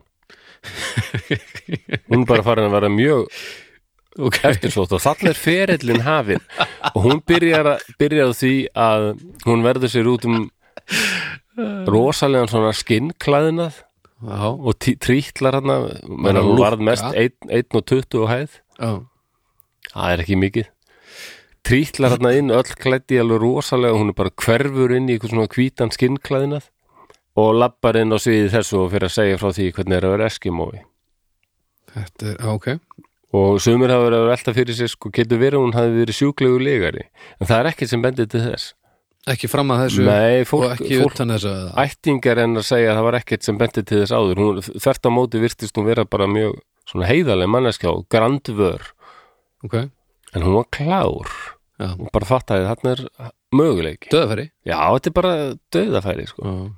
og það er algengt sko með svona sjúklega legara að þeir missa tökin á legunum ljúga alltaf meira og meira Já, mun ná ekki ekki andlitinu. hverðu eru að ljúga þarna og þannig Já, akkurat já, já.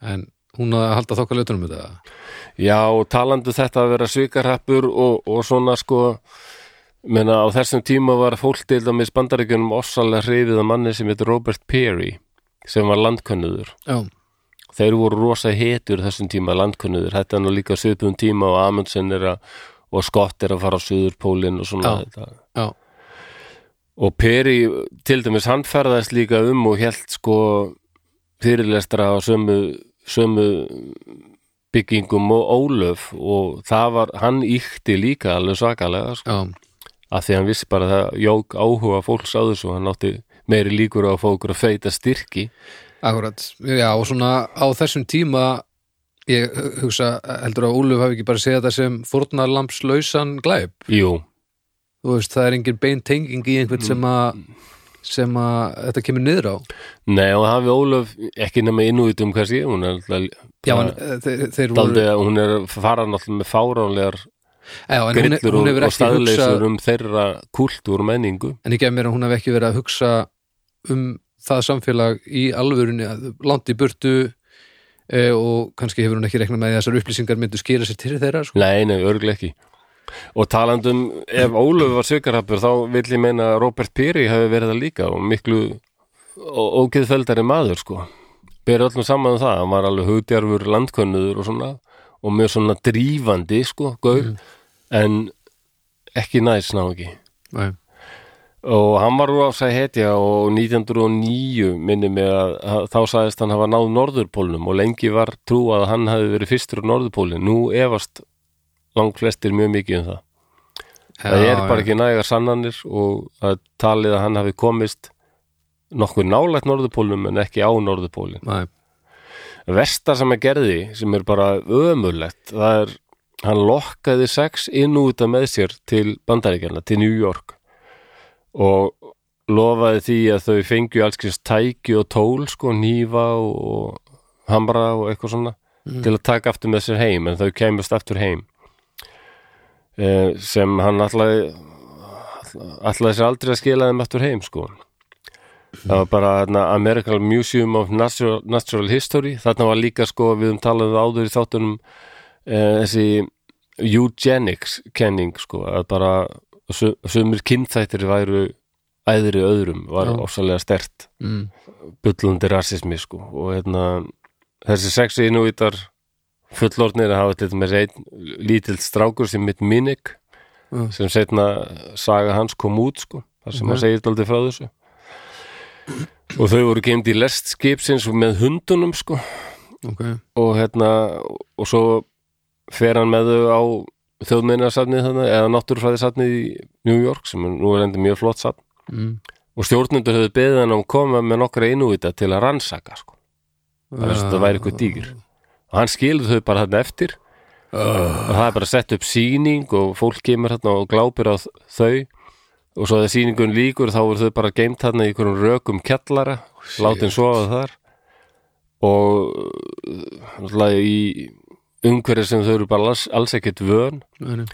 þannig að fjögur þeirra af sex degja bara um lungnabólgu Bara fljótlega Já og þau voru bara öll skorinn í sundur og rannsökuð og svo voru bara beinin tekin úr þeim og sett saman og beinangriðurnar settar á í Svo- sýningu. Þetta er, svo, þetta er rosalega ógislegt og þetta eh, hafði rosalega djúp áhrif á þennan minning og hann skrifaði um það setna þetta, þetta eiginlega svona hálpartin þetta var bara tráma, þetta bara eiginlega lífa Já, hann ég- komst aftur heim Já, augljuslega Já, bara- hann og þessi hinn þarna sem liðu af þeir komast aftur heim sko, norður og inn úr þetta slóðir en, en minnik var bara svo illa farin eftir þetta þrákurinn að hann, hann fór aftur til bandaríkjan og átti nú frekar dabra ævi sko, segir Inga Dóra Fuck Já, það er rétt upp úr- upp úr bókunni líka sko, mann er þetta í huga þegar Píri var að halda fyrirlestra hann hefði kannski heyrt um þessu ólöfu og hvað hún var að segja en það var aldrei neitt sem kom upp um hann samt var fólk þetta sem sko eins og Píri sem höfðu farið í alvöru á innúvita slóðir Já,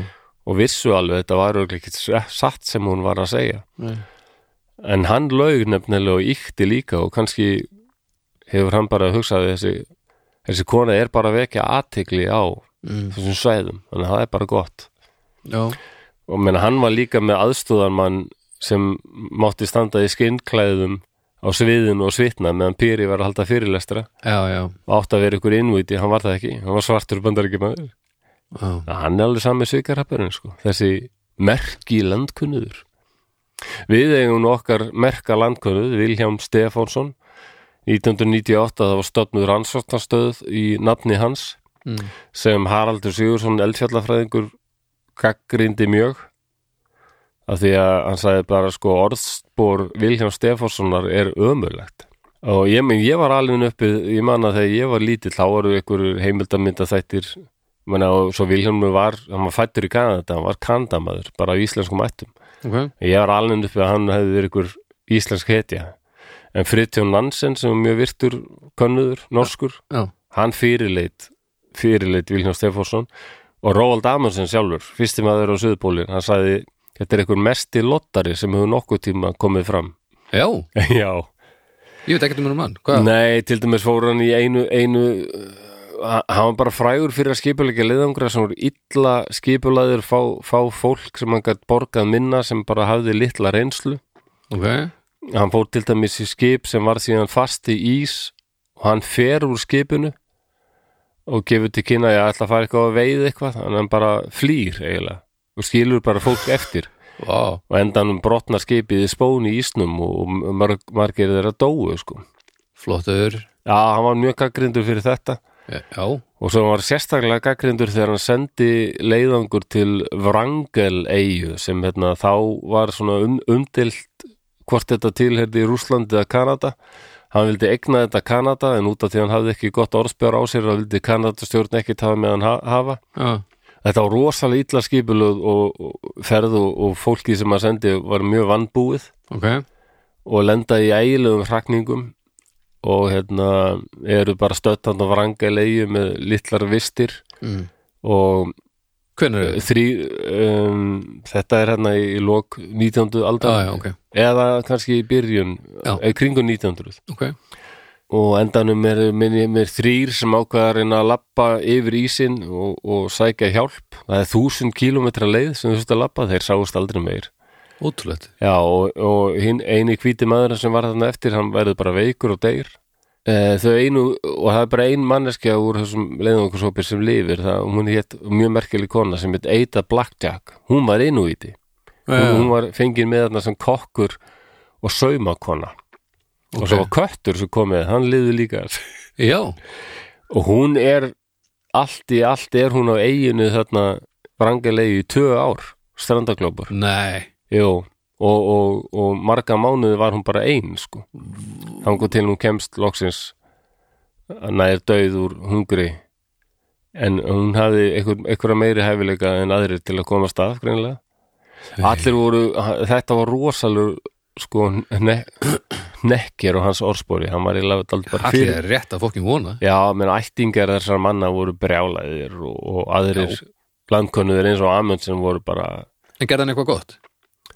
ég meina hann hann, hann, hann, hann ferðaðist eitthvað hann ferðaðist alveg eitthvað sko og hérna vakti aðdegli á þessum svæðum og svona sko Já, það kannski en til sko það voru, skri, það voru Svona ef við setjum skrifaður upp hérna vogar uh, slána, setjum að slæma hérna megin og setjum fyrir, góða fyrirlestra og gott publicity hinum megin, þá myndir hún segja hann sig ennþá í mínu sko. já, mér finnst hann vera En hálfgefi skýtall sko veit menna, bara það það sem voru þú komið skrifaður sjálfur. bækur með þessa ferð á vrangalegu svona rosalega svona svaðelfara bækur Já. og hann fekk fullt af pening en hann, hann borgaði henni auðu, Eita Blaskjak, hann borgaði henni aldrei neitt sko Þannig að- Já, og mér er bara, menna Haraldur Sigursson svona virtur eldfjallafræðingur í Íslandi og hann, hann, hann segir þetta hefur algjört fárunlegt að stofna rannsóknastöði nafnið þessa manns já, já. Þannig að Og heitir hún, er þetta bara eftir húnum með þá? ég held hún segja þá til, ég veit ekki hvort að því var eitthvað breytt sko og já, já. Æ, menna við eigum svo fáar hetjur, við hefum bara gripið Já. allt sem til Við skulum nú samt allavega að reyna smá, er það ekki? núna nýlega var að deyja sko maður sem heit Bjarni, hann var geimfari já, ég menna Kanadamaður og, og Já, alveg upp já. í Kanada en, eitna, en Íslendingar tóku hann aldrei sér sinn eigin sko, Já, það já. var bara íslenskum ættum akkurat ég man að það var mynd á hennum í skólanum mínum já, bara í gemfara búninum og allt sko. já, já, Þannig að- en ég meina, það bendir allt í þess að Bjarni hafi verið topp já, já, eintak já, sko. já. og ég meina og var bara mjög ánaður með þessa að Íslendingar skildu sínum hennan áhuga já, já, ég meina að sjálfsög er gaman að, að einhver sem þú getur tengt við þig já, hérðan með lítilli fyrirhöfn Já. og stutt að fara og þeir ná að gera eitthvað frábært þú veist, ég skil alveg hennan hugsunarátt og ég tengi ekki við hann um, já við kvöldum að vestur Íslendingar sem þeim finnst alveg krútlegt en, en Guðmundur Halldanarsson sagði mér, þegar, hann var- eða okkur þegar hann var að kenna okkur sakfræði Já. hann er prófessor í sakfræði í Háskóla Íslands frábær sakfræðingur hann hérna var að halda fyrirlestur í Kanada og, og síndi þeim fyrirlesturinn daldi sem hann alltaf að tala um og þau gerðu daldi aðtöðarsendur við sko þetta, að nota þetta orð West Icelanders og sagði sko við erum náttúrulega, við erum Kanadamenn já, akkurat það er, það er það sem við erum sko. við erum bara ja, þannig að þeim finnst þetta kannski krútlegt en það megi ekki nota þetta um of af því að þau séu frátt fyrir allt Kanadamenn ég held að þetta séu nú líka samt tvær fylkingar af, af, af komundum Íslendinga þarna og sumir vilja vera meira Íslendingar en þeir eru Það er og líklega aðrir það. vilja vera meira bara Kanadamenn já um, en þarna voru sem sagt að spretta upp alveg svona umbóðskristofur sem voru með fullt af fólki á sínum snærum af til þess að eitt bandarækjamaður sem hafði ferðast aldrei mikið til Kína já, og hann bara hélt rosa fyrirlestara ég hef fundið líka á tímarit.is sko hérna fyrirlestara voru þá bara það sem tónleikar er í dag já, já. bara það, ég hef til dæmis fundi fyrirlest eða sko auglýsingu í tímarit.is já, frá 1914 eða eitthvað sko á Íslandi já, það er bara Guðmundur Jóhansson segir frá ferðum sínum sko til miðausturlanda eða eitthvað sko ég, ég skil það vel og bara fúsfyllir já, ég meina, sjálfsögðu já, svo margir sem sáu fram á að fara aldrei neitt ef einhver skemmtilegur er búin að sjá eitthvað sem að þú myndi aldrei upplifa já, Uh, og segja frá og kann að framandi segja frá því. síðum og svona Já, ég meina, ég- ég- alveg til í þetta Ég myndi fara líka bara ef já, já, einhver er að segja frá uh, ferðalöfum sínum sko. já og þetta var gífulega vinsælt sko og þessi náungi sem var að segja frá Kína til dæmis, hann hérna var ásalega vinsælt og bara ferðast um all bandaríkin, túraði bara og hérna en samt þessi rasismi, hann, hann brá sér í kínverskan búning mm. í fyrirlestunum og fór að tala eins og kínveri, þykist þér kínveri Má náttúrulega ekki gleyma að og Á- tala með kínverska reima þetta er bara svo latti og hérna Já, við- það er og náttúrulega ekki hérna grínvergin Það er rosalega stutt síðan að þetta þótti já, í lægi já, uh, Þá þarf að, að skoða það hvort einstaklingurinn haldi áfram að gera þetta eftir að það er ljóst að þetta er ekki í lægi já eða hvort það hafi verið eh, eins og lati, hann hefur ekki verið að keira mikið á grínverjunum í setjum tíð nei, nei, nei, ég held hann þannig að hann sjáði þetta aldrei eftir þessu þetta er bara eins og, ég er búin að segja svo oft hérna það er ásetningurinn, Já. varstu að reyna með einhvern eða varstu ekki að reyna með einhvern já, já, það skiptir öllu máli já, já, það gerir það um, Eh, já, Ég mann að fyrsti kínverðin sem ég eða mann eftir að hafa bara já, það og, og var svona daldið svona mitt idol er Bruce Lee já, og hann var, ég mann að það var sena í einni hvort það var um, um, mynd um ævi Bruce Lee held ég þar er sena sem hann fer með kerstunni sinni sem er bandarísk, hvít já, í bíó og þar er sko þau sjá mynd með Mickey Rooney þar sem, sem er alveg, alveg þekkt mynd þar sem hann leikur eitthvað kynverja og er bara með hverjum sér við Mickey Rooney, hann var svona þekktur Hollywood leikari já, og, og hann er mitt í þessu gerfi tala svona eitthvað og, svona, og allir eru grenjandi á hlátri mm, en svo aftar og hún líka kærast það brús, en svo lítur hún á hann og hann er ekkert hlægjandi mm.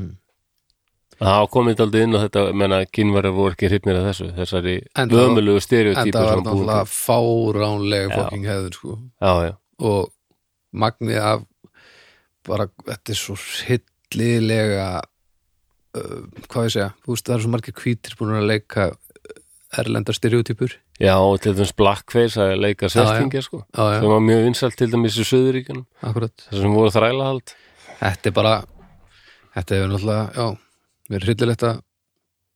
að vera með rættur til Asíu og sitja undir þessu helviti surgli sko. Já, en um, á endanum sko þá Ólöf uh, verður hérna, Sleiton fer á fyrirlest með Ólöf og alveg heitlast rosalega sko, húnum finnst hún rosalega góður fyrirlesari og, bara, Ok. og fólk er alveg yfir sig heitlað með henni, hann, hann ræður hann að hún verður gengur til liðs við Sleiton umbóðskristofuna en meir en það því að hún endanum flytur indi fjölskylduna, hún verður svo mikill fjölskyldu vinur Já, já. og hún verður næstu eins og bara e, já, hún verður bara eina fjölskyldunni ok, og nú er náttúrulega daldið flottar aðstæður því að hún er ekki negin vinnukona lengur á fínu heimili heldur bara eina fjölskyldunni og Já. bara með sína eigin aðstöðukonu já, já það, ok breyting, tölvöð Já. breyting allt í allt er Ólöf er í þessu fyrirlestra stúsi í svona 30 ár já, og heldur alveg 2500 til 3000 fyrirlestra fuck og Það- var, á- var á tímabili talin bara helsti sérfræðingur í bandaríkjunum um menningu og síði Eskimóa ah, Já, þetta er aldrei voðilegt sko fuck maður, djúður þetta marg djúður þetta mörg gig lítið rót vissulega á þessum tíma, ég segi það ekki en, en samt, þetta er rosalegt Já, þetta var klikkað Já, menna það voru ekki, það var ekkit útvarp, ekkit sjónvarp Nei. Svo fyrirlesar já, voru rosalega vinsælir sko en, en þetta er á tímabili sko líka, menna hún var líka kona Það það með ekki gleymast líka já, ekki nóg með að hún hafi verið dvergur heldur líka kona sko. akkurat og að, til dæmis hafðu konur ekki kostningar þetta þessum tíma til dæmis hún voru ekkert í- að að tjá sig opinberlega um þjóðmál Nei. og hérna, þess að er hún svo merkileg manneski hún er kona og dvergur á þessum tíma Mhm. sem nær vinseldum og frama Mhm. og Nákvæmlega. bara hún er klók, sniðug skemmtileg og nýtir sér það til framdráttar já, hún sér þennan möguleika sem er náttúrulega ég á að ljúga og segja ósatt en það má eiginlega segja að hún hafi verið þóldið að snúa vörðin í sókn og, og, lí, og kannski mikilvægast af öllu er það að sem, eins og með hann Silvester þarna sem var svartur maður já, og bara bjóð við misrétti og kúun og bara fyrirlýningu mhm, en þegar hann segist þér indjóni þá breytist það allt já, já og þegar Ólöf þessi dverg, dverga kona segist þér Eskimói þá breytist líka viðhorfið sko já, já. Það er eitthvað svona áhugavert sko. Já, það er það er mjög sérstætt sko Já, En hver- hvert fer hún með þetta þá?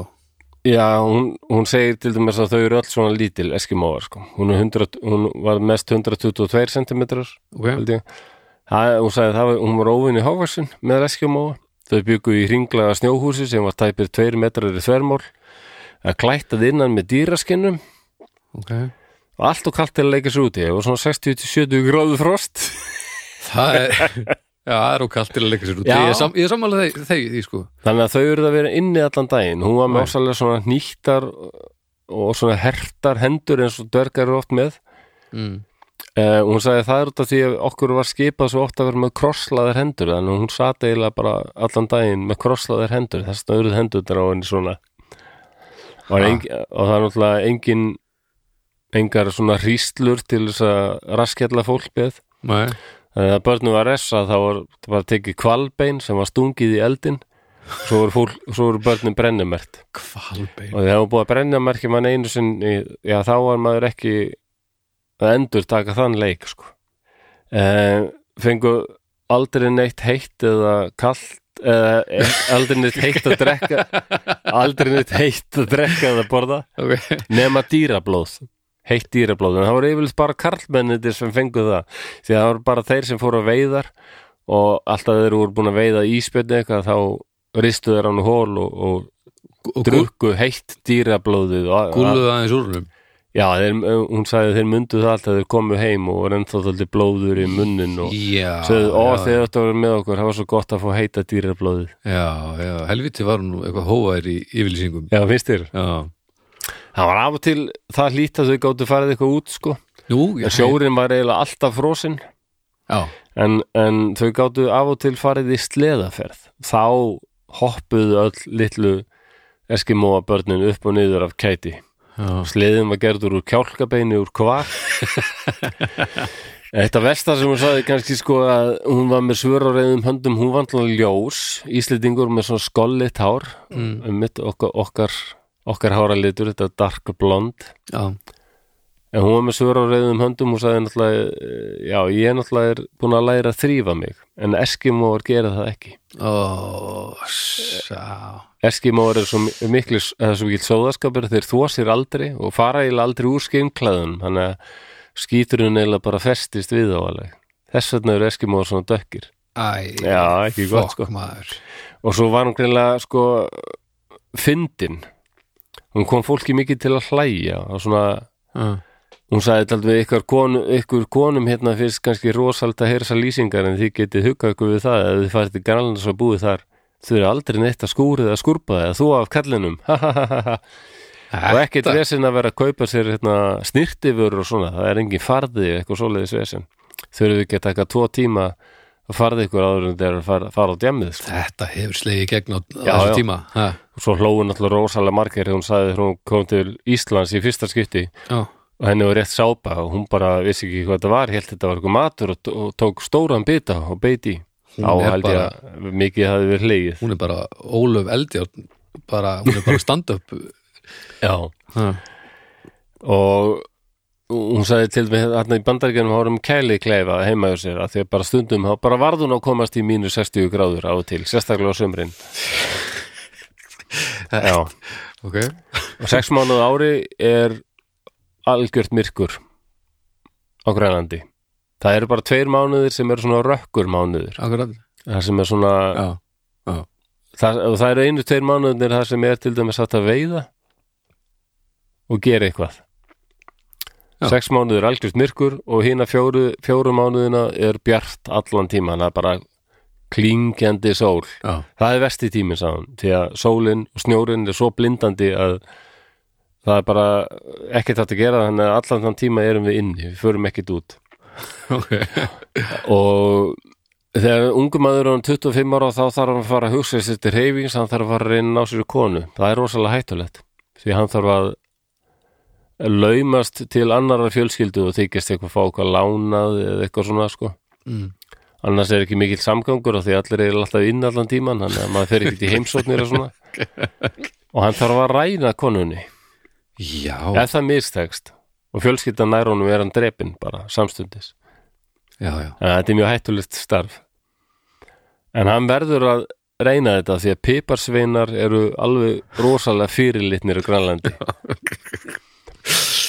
og, einna, Ég skil nú alveg okkur og þeim, þeim, er- þeim er sko skipað til dæmis að piparsveinar þeir þurfa að fara með höfuðið fyrst og ný skinn sveppókan sinn og sofa þannig með fætuna út Já, en ekki fara venjulegun í sveppókan. Og Þetta er svo miðað mikil við- skömm. með að við hérna, þrifa lýsingar hennar þá er það ekki gott mál Nei, alls ekki og hérna, já, og bara enginn vill vera piparsveit, sko og hérna, Ég þeir skil þurfa að sína sko fram á að þeir séu hugrækir og geti veitt handa konunum sinni og svona, sko. með því að ræninni já, Ég skil, þeir sína fram á hugrækir sitt, sko þetta er bara basic já, já, já yfirleitt verða eskimóar hennar orð, Já, ekki veikir einu sjúkdómatnir sem geta lagst á eskimóar eru berklar en ef einhver veikist, til dæmis barn þá er því ekki hjúkrað af því að trúin er svo að þessi komin illur andi í barnið og það er bara látið deyja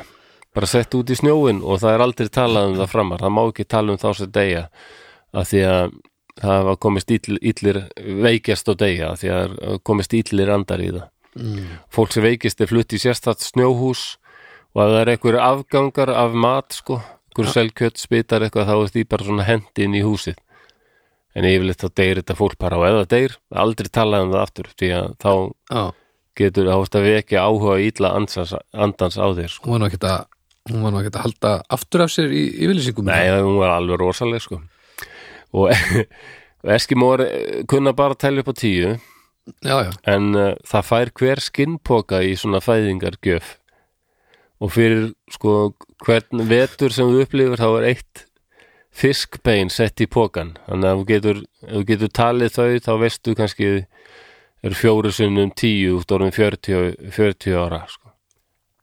þetta, hún er alveg grilluð já já En ég minna, ég skil alveg að fólk hafi verið að mæta á fyrirlestur Þetta er Já, náttúrulega, við erum allir gapandi ef þetta væri til ef Eh, þessi staður væri til, að við erum bara gapandi yfir þessu þetta er alveg galinn staður, sko Já, og menn á þetta litla fólk að veiða íspyrni, seli, rostunga og hvali líka Já, já, Það var me- mestum vert að hvalur var bara best, besta sem þau gáttu veitt sko ok en til þess lýsingar var því að þau voru að veiða íspjött sko og svo varna, var hann rist úr hól og, og allir hámuðu í sig eins mikið af íspjarnar fytu og þeir gátu sko Já, já. núna vitum við að það borðar engin íspjarni þeir eru allir með svona sníkudýr sem er Já. stórhættulegt Já.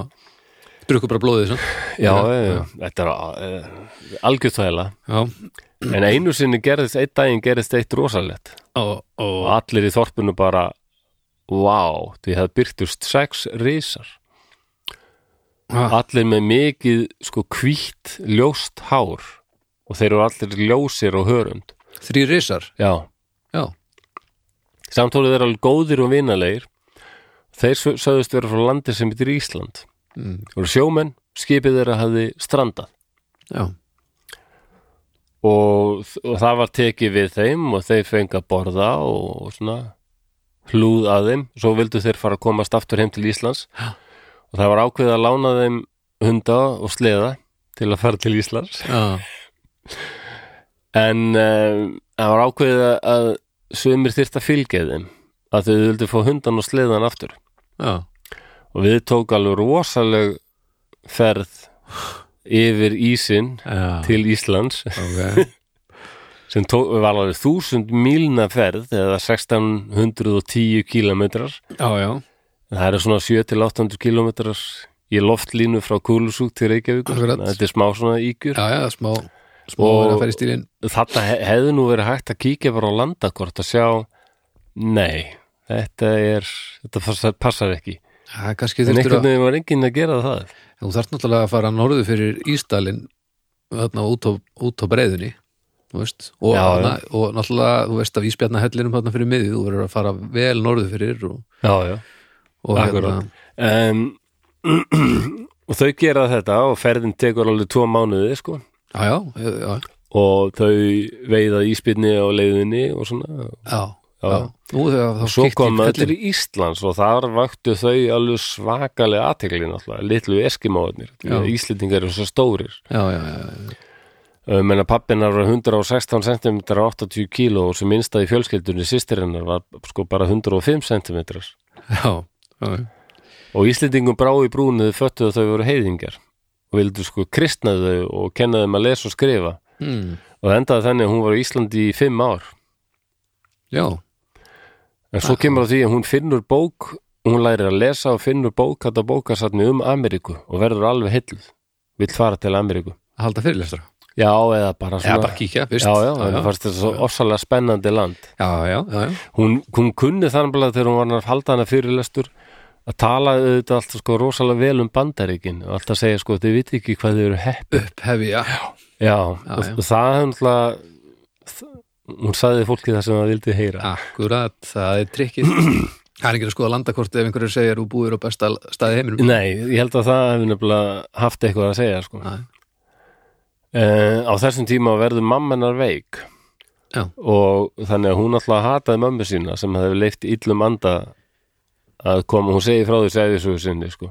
Já. hataði mömmu sína þegar mamman hennar hefði leift illum anda að fara í sig og mamma hennar líka henni, da- hún bannaði börnunum að tala við sig af því að hún var hrætt um að þau fengu líka illa andan í sig já, já, já, og íslensku kennarinnir eru alveg sjokkaraðir já, og kenduðum að þetta væri ekki satt já, Þannig að Ok. sem betur fyrir þá skildu þau sem vinir Ólöf og mammenar, mammenar dó og berglum. ok ok, Já, já. Og hún kemur fyrst fram alltaf í skinnklæðum og er að segja frá þessu. Mm. En svo fyrir hún að breyta til og fyrir að byrtast í svona fínum svona viktorjanskum kjól.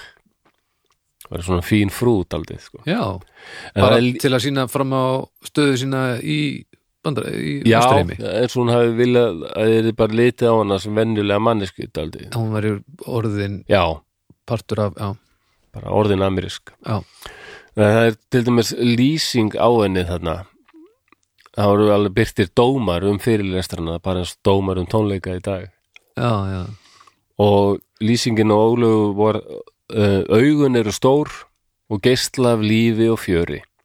Hún er bústin og sterkleg með ringa og skartgreipi. Uh, reyfingar eru léttar og tignarlegar, henni liggur lágt rómur en talar skýra og góða ensku. Mm. Og bara mjög sérmennast og allir dómat er að fullta dómum í borg, bókinni sem Inga Dóra hefur fundið já, og þeir eru allir rosalega jákvæðir alveg Já. bara æðislegu fyrirlesari fólk hlær og hún heldur aðdegli allan tíman sko Ó, nú sé ég bara fyrir mér Arnar ekkert á fremsta bekk eitthvað bara að lepja upp allt sem hún er að segja já, já, já, klálega bara, Já, það var hann er- geggjaðasti fyrirlestur sem Já, ég má hef segja. séð já, það var að segja að líin hafi aldrei frelsað þessa konu sko. um, já ja, já, allavega gjörbreytt lífinar en frelsað hana já, frá hverju, þú veist ég er bara ö, ö, frekar ömulegu hlutskipti hún átti aldrei neitt séns á hann Já, að þú meinar- verða neitt annað já, en einhver já. vinnukona og það jætvel hefði verið frekar erfitt og hún hún alltaf, já, frá sirkusnum, já Já, og erfið er að fyrir hana á eitthvað fölluna sinna að bara sinna ímsum störfum og svona. Já, já, algjörlega þetta, þetta er bara frábær leið til þess að lifa góðu lífi Já, um, ég held ég að vera að segja vittlust árum, á, áður hérna að hún hafi á 30 árum, þetta var svona 20 ára ferill, frekar. Já.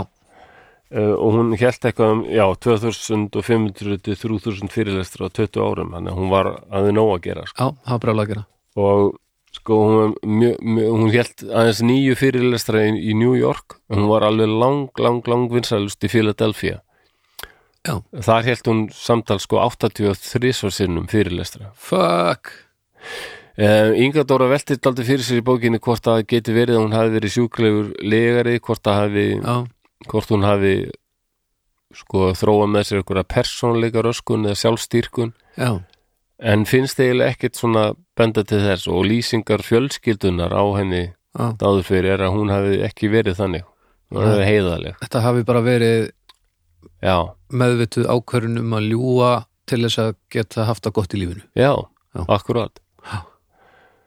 já, hún segir semst að Amerikumunum það sem þeir vilja heyra Amerika er best og stærst og bara, Já, já, og ís, það voru alveg íslendingar bæði í Kanada og í Bandaríkjunum sem hljóta hafa heyrt af henni hún væri í þessum business já, en að, það er aldrei sagt neitt og Inga Dóra telur að séu þrjár ástæður fyrir því Ok það sé aðalega kannski samúð bara hún hafi verið dvergur og þeir hafi bara vorkend henni og hún hafi dottið á þessa leið og bara sé engin ástæði til að verka keft um það Ok kannski smá svona skemmtun eða þórðargleði Já, já, þegar maður hafi haft bara þótt þetta aldrei fyndið sko þetta væri íslensku dvergur að ljúga Amerikana fulla bara Mhm. gott af þá og í þriðja lagi að hafa verið skömm eða einhver vanskapaður dvergur og lígari komin af okkurum okkur sem erum afkomendur vikinga Djöfull, þóldi ekki vera nefndir í sömu andra og eskimóar og hún, hún þykist vera eskimói þetta er sko Helgi, ekkert hvað- að var saman við þessa konu að sælda Þetta var nú magnaði gamla þetta ha. ég þetta hefur verið svo stert líka samt einhver svona meðvirkni og slass samstaða íslendinga, ég mann þegar ég var úlingur Já, með Þá að er einhver- meðvirkni í dag hvað hann er mikið þjóðasport okkar Íslendinga Já. Hún getur rétt ímyndað hvernig það var hann Hún kannski breyst aldrei samt þannig að ég man þegar ég var unglingur þá var einhver eitulifja sali sem var tekin höndum og var satt í fangilsi í Malaga á Spáni Já. og kallaður Malaga fangin Já, og það var rosa umræðið á Íslandi bara við verðum að fá þennan mann heim já, gengur ekki að einn af okkur sé bara fastur í fangilsi hérna já en svo man ég að sko fyrir nokkrum árum þá var það sama með einhver strák sem var fastur í Brasilíu Já, þá samaður í komandakerfunum þá voru bara fólk að segja hann kom sér sjálfur í þetta og við höfum ekkert að voru að borga fyrir það að fá hann lausan en að þetta er kannski orðið kannski hefur þetta brist eitthvað Já, ég held að ákveðin hópur bara hefur ákveðið að láta meiri sér heyra á netinu, kommentakerfinu ég held, að, að, ég held að hugsunaháttur hafi búið að lítið breyst þannig, það er bara allir konum með aðganga að því að hafa skoðanir og það er eins og það er bara, já, já. gott og slæmt á þessum tíma, hún, hún nefndi til dæmis á þessum tíma var Íslendingur sem hafði og grunaður um að hafa framið morð hann var þjófur hann var líka grunaður um að hafa framið morð mm. og það átt að taka hann að lífi og allavega Íslendingafélagi gengur í það að ráða sko að söfnu ok, og ráðin sko mjög dýr lögfræðingur hvernig er þetta sér já þetta er bara hann í kringu 1900 ok, um, sem á endanum fekk bannin lausan Já, fekk hann já. dæmdan saklausan það Ok. er bara ómikil skömm fyrir Íslendingasafélagi sé eitthvað morðingi okkar röðum sko já, já, En samt það vildu Íslendingar ekki tafa hennar mann með eitthvað svona ógæfu maður og hann var alveg vita að hann væri þjófur og, já og gæti alveg að hafa myrt hennar mann sko, það var samt ekki nægar sannanir Nei, nei. þannig að það var ráðinn annar lögfræðingur sem fekk hennar mann dæmdan geðveikan hann var bara settur á hæli voðalega stjórn sem er hérna. þetta já, heldur betur sko en, og Íslendingafélagið eitthvað beita sér rosalega í Já. þessu fekar hennar bara að láta kanadísk stjórnvöld um þetta já, já, Já, en svo kemur það hjá Ólöfu og hún er hérna hjá þessum Sleiton hjónum en sonur þeirra hann giftist konu sem þólir ekki Ólöfu. já, Við vitum ekki alveg nákvæmlega hvaða var en þeim samtir rosalega illa ok já, og suma grunar að henni hafi bara blöskarað að það væri einhver lígar í þarna í fjölskyldunni sem bara líða því að ljúga. en vissu þau sem sagt að Já, hún þau væri- vissu reyndar, að hún væri að ljúga. já, já, Þau vissu það alveg. ok en þannig að það verður óbærilegt ástandið þarna og endanum er hún send af heimilinu en þau þótti ennþá væntum hana þannig að henni er komið fyrir í vist hjá vinum þeirra í Michigan ok, og etna, en þar þurftum nú meira að taka þátt í heimilishaldinu og fara alltaf að vinna aftur sko ok, og var alltaf skráð vinnukona en, en hvað mikið um vann hún var hún farin að verða alltaf heilsuvilli hvað var hún lengi hérna hjá þeim hinum einn, þarna hérna, í Michigan hjá fjölskylduninni sem hún var hjá Um, ef ég mann rétt, ég held að hún hafi alveg verið þeir í kringum 15 ár já, sko. alveg, við erum alveg að tala um það langt já, já, bara með, eh, hluta fjölskyldunum, þau höfðu Já. flutt til St. Petersburg í Florida ok þarna var hún komið til Michigan sem var svona, já, Já. Þannig að þá er hún orðin, já, aðeins svona slæm til hilsunar. já. og hún hættir til dæmis sko eh, síðustu 20 árin er hún ekkit að halda neina fyrirlesta Næ, ok. en uh, hún fer til dæmis á elliheimili 1927 og orðin daldi lasburða Mm.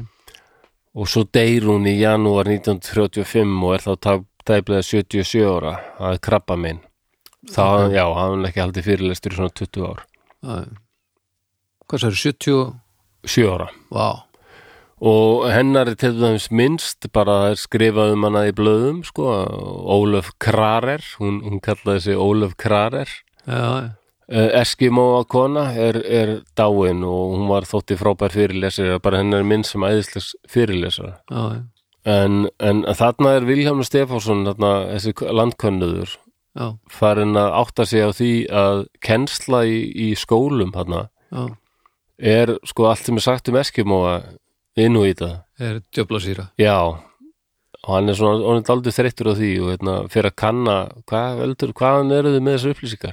Nei. Ég við erum með hann úr þessari rosalega fínu bók, það var æfirsaga Ólafar, þannig að Hann, hann, hún gefur út æfisögu sína sem já, þessi kona sem að er ekki til. þetta var alltaf æfirsugu hennar, þessar lýsingar á grænlendingum og svo. Já, akkurat. það er al, al, algjör þvægilega allt saman Ok. þannig að, að þá fer hann bara gengur hann í það að koma upp um hana segir bara þetta er bara bull- bull og vittlisa þessi kona laug bara til þess að afla sér peninga af fræðar Þetta er eftir döða hennar. já, Ok, en við þá getum sett gerist þetta. það, gerist það skrýtna samt að það er eiginlega öllum sama það verður ekkit rosa neyksli og er ekkit mikið skrifað um það að Ólöf þessi frægi fyrirlesari, þetta var allt bull og vittlisa og kannski út af því að margir að, komst upp um marga aðra en svo þennan Archie hérna þetta Já. hefði bara verið enskur hefðarmadur og, og Silvester hérna, hefði verið svartur, bandarækjamaður ekki, Já. það var fullt af öðrum svona svindlurum En var efnið þá bara tekið út úr skóla?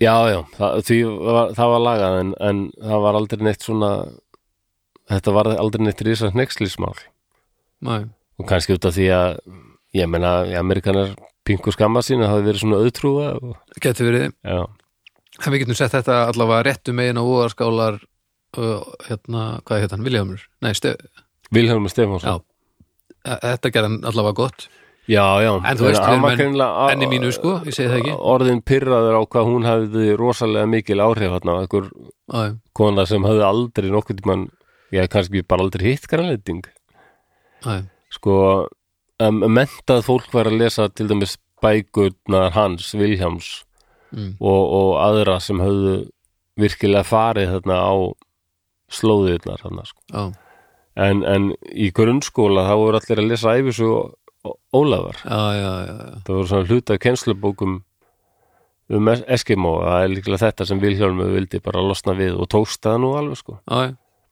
Já, já. Já, og það, meina, þegar hún deyr, sko, þá hérna, e, þá frett, já, hann byr, í Chicago Tribune, sem er virðulegt blað, þá byrtist bara mjög virðuleg át- andlátsfregn sem já, hún var orðin mjög, hún var á sínum tíma mjög fræg og virt ok, og hvað var þar hvort hún varð rík, það vitum við ekki alveg en hann skorti greina aldrei neitt næ, en hún kannski varð ekkit alveg miljónamæringur að því að hún var hjá þessari umbóðskristofu sem þurfti að fá sinn pening og Já. svo var hún eiginlega allir hluta þessari fjölskyldu þannig að akkurat, hún hefur bara verið litið á hana sem eina fjölskyldunni sem mann fyrir sér, En borgað bara- til heimilisins en bara það þurfum við ekki að hafa áhyggjur af því að hvað Nei. það ætlar að vera eða eiga ekki pening eða fá ekki að borða, þú veist, það hlýtur að hafa verið bara, Já, og klárt að líf hennar varð svoleiðis miklu betra heldur en margra Já. dverga Já. og margra dverga sem samt fóru í þennan bransa sko að vera í fjölleika húsum og svona já, akkurat og hver er svo bara saga hennar, þú veist, er, er þetta Já, bara og, neð í- þakkað og bara, Íslendingar menna, hún var halger ættar skömm já, ok og Íslendingar voru ekkert mikið að tala um þessa konu en svona aðeins setna meir þá var til og með Sigurður hérna Nordal sem var prófessor minnum í íslensku já, hann skrifaði um hana og hann tók mjög upp hanskan fyrir hana sagði bara kona sem elst upp í miklu erfiði og með þetta rosa mótlæti þessa rosa föllun mm, og sýnir þetta bara rosalega sjálfsberga viðlitni og sýnir eiginlega bara sýnir eiginlega bara að hún er af norrænu vikingakynni komin og við erum að fara að þanga, var það ekki já, já, en ég meina, já, En- þetta, en, en- þetta ég skil hvað það var að það fara verið og- fáralegt að, að líta svo á að hún hafi verið íslendingum ekkert til skammara því að já, í ég raun er alveg hafi saman því hún bara sínt bara- alveg aðdáðun að verða aðlöðunarhæfni og, og lífsvilja og já, Já, ég meina, sjálfsberga hún er, viðlitni hún er auðvitað verið þræl, klár Já. og órög og bara gerði það sem hún gat til þess að koma sér vel fyrir í lífinu Já, þvert á væntingar allra sem er glæsilegt, Í- maður fær alltaf bara svona kjánarhóllin í sig þegar það er að tala um já, íslenska, eitna, vikinga e- e- er eitthvað það er bara blip, mimmi, mimmi það var svo rosalega stert hérna áður og er ennþá sko Já, þetta er bara, þetta er bara þetta er voðalega, voðalegt sko. Já, það er, hefur verið gaggrind meira heldur en þetta var Íslendingum sem fluttu líka og landi mjög mikilvægt að, að vita að við vorum svona, við höfðum einhverja glæsta fortíð já, já, og meir segja Íslendingar sem komu hingað það er talað um að hérna, ég held að það hefur verið landnáma Já. eða Íslendingabók eða hvort tvekja sem hafi verið skrifað eða gaggjart til þess að bara sína fram á að við værum ekki komin af við væ- að Íslendingar væru að góðum ættum í Noregi sko já, já, já. Þetta, hefur alltaf verið þóttið stert sko. Já, já, þetta, þetta er bara eins og það er að- þetta er bara Já, pyrrandi, af því að það, það skiptir engum máli af hverjum þú ert það voru alltaf snillingar og auðlar í þeim hópi, jú, jú, nokkulega þetta er alltaf, alltaf sama sko, allstaðar Já, já, og uh, Inga Dóra, hvernig fer hún kemst hún og snóður um þetta? hún, hún náttúrulega stiðst mjög mikið við hún stiðst alveg helvikið við sögun en Ólafar, þrátt fyrir að hún sé rosalega saga, Já, og En það er líka- æfisagan hann en líka sko bara þræða dagblöð og allt sem hefur verið skrifað um Ólöfu sko, lýsingar á fyrirlestunum hennar en og svo kom- komst kemur- hún líka sko, hún hitti nokkra af ættingum hennar ok, sem höfðu alveg heyrt um hana og gáttu sagt eitthvað af henni sko.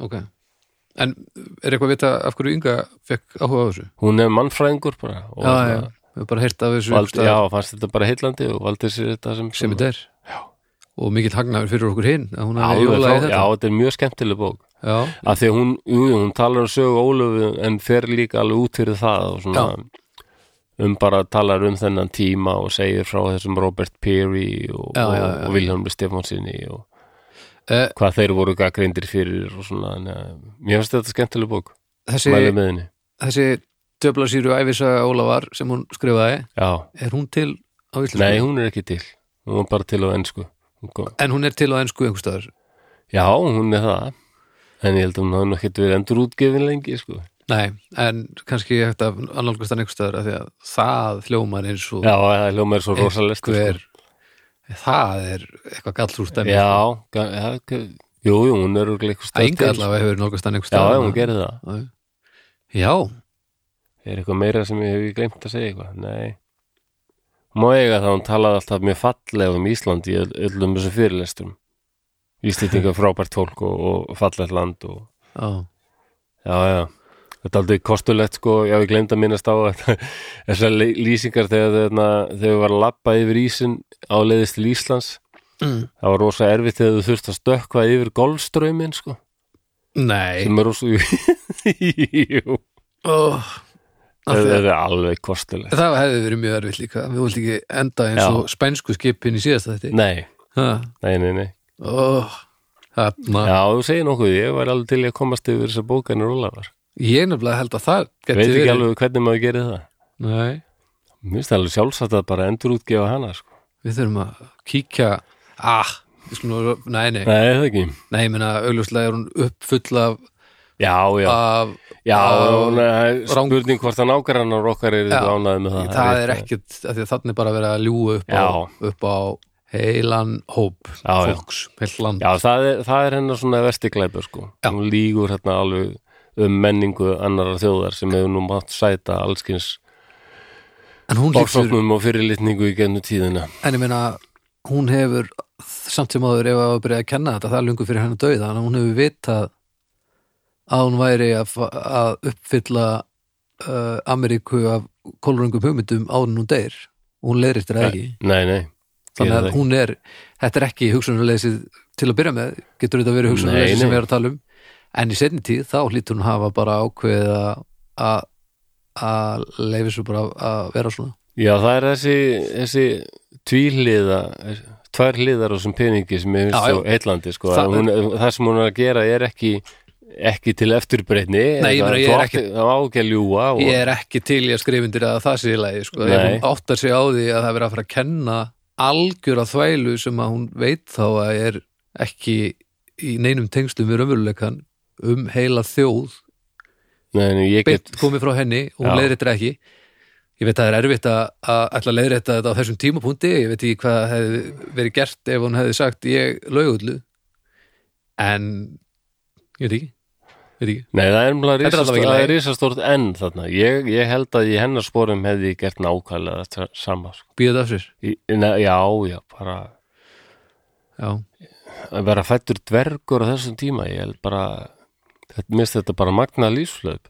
já, já en, ég, Alveg, sko. en samt sem öður, ég meina hún vissi að það væri verið að kenna algjöra þvælu sem hún bjóð til Já. uh, að vera að kenna þetta í grunnskólum landsins hún leiðréttir það ekki, það er Nei, það má án vera, þess að hún, vita má vera hún, hún hefði hugsað að þetta væri bara svo fjarrri hún væri svo fjarrri þessum innúítum að þetta myndi kannski ekkit ekki beint skaða þá Já, já, ég meina það er ógjörningur að ætla að, að komast inn í eh, hugsanir hennar og hvað þetta var það sko en við vitum allavega hvað við vitum þá allavega hvað hún vissi hún vissi hvað Já. var að gerast og hún leiðir þetta ekki og ég þe- veit ekki hverjar eh, aðstæður voru, ég veit ekki hvernig það hefði komið við hana að, eða hvort það var hægt að leiðir þetta yfir höfuð eða hvað en, en þetta allavega var þannig og það er pínu, ég veit já, ekki já.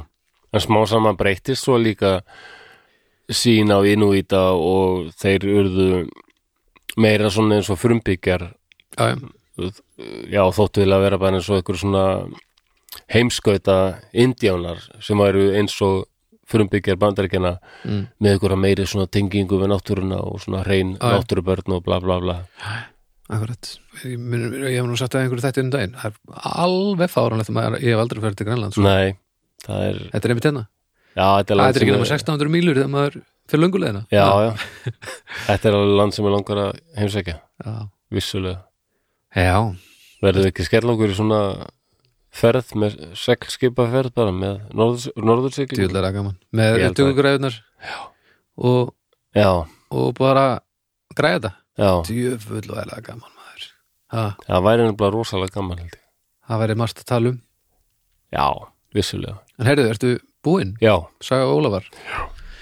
takk það passa kærlega bara mjög vel Já, þú, takk þú ert kærlega að fara fyrir í þetta. klippingu eftir klukkutíma já, ég er að vera í klippingu já, settir alveg ógeðslega pressu á mig það er það komst í klippingu Ég er búin að missa- hvílitt anskotans pjatt ég fekk COVID og ekki fóru vistiða eskimá tímar- börn í klippingu Sko, það er svona, það er svona tveir eða tveir og hálfum mánuðu sér ég fór í klippingu já, já, það er lengra síðan ég fór sko. þannig ég er bara, mjóli, já, já, það er svona það, ég myndi segja að komi minna niður á þínum stíl ég er ég er náttúrulega frekar að missa hárið heldur en það sé að vaksa þannig. já ég, er, ég er að gera bæði en, ég finn samt að það lengist hérna aftan þannig. að já, já, sköllettið er alveg í hámarki sko. með hverji, hverjum sentimetra verður meiri ógnvísu samfélagið svona visuált ó já, Æja. En takk fyrir þetta, þetta var já, þetta gríðarlega er mjög merkilegt og við kvettum ykkur síðan öll til þess að fara og lesa bókina sem að Inga Dóra já, hún er mjög skemmtileg skrifaði, mjög skemmtileg, uh, Ólöf Eskimói Já. hvort sem það er bókasöfn eða, eða hvort hún uh, finnst á einhverjum, já, einhverjum hún er að bóka Sölum. sönnu sko. Ólef Og- Eskimói, og kannski gefin út aftur um hver veit Þetta er mjög áhugaverð, alveg rosalega mjög áhugaverð æfi Þetta er mjög skemmtilegt og ég var svo hissa að hafa ekki, ég hef aldrei hirt um þetta aður. og svo náttúrulega eins og venjulega væri mjög gaman að sjá hvort að hlustendur vita eitthvað meira Já. um málin Það væri gaman. ég tala nú ekki um ef það er einhverjir sem eru skildir henni og, og hvort það sé einhverju sögur Já, sem að, það væri gaman að heyra það frá væri einhverjum svo sem að, gaman að heyra frá því. Alltaf gaman að heyra eitthvað svona, heyra frá fólki sem er að lusta. já, heldur betur heyriði, en svo núna þá ætlum við að, að tala eins um uh, Patreon-málið sem að við uh, kynntum fyrir ykkur í síðustu viku Já, það þýðir sem sé að, að við erum að færa okkur bara að megninu til yfir á Patreon já, og ástæðanum fyrir því eru bara það sem við nefndum hér í síðustu viku það er bara að, að við erum að gæla við þá hugmynd að geta haldið áfram að gera draugana haldið vinnutímanum þokkalega eðlilegum og uh, ef vel gengur bara ekki þurft að gera neitt annað þá getum við bara gert meira og betur með draugana já.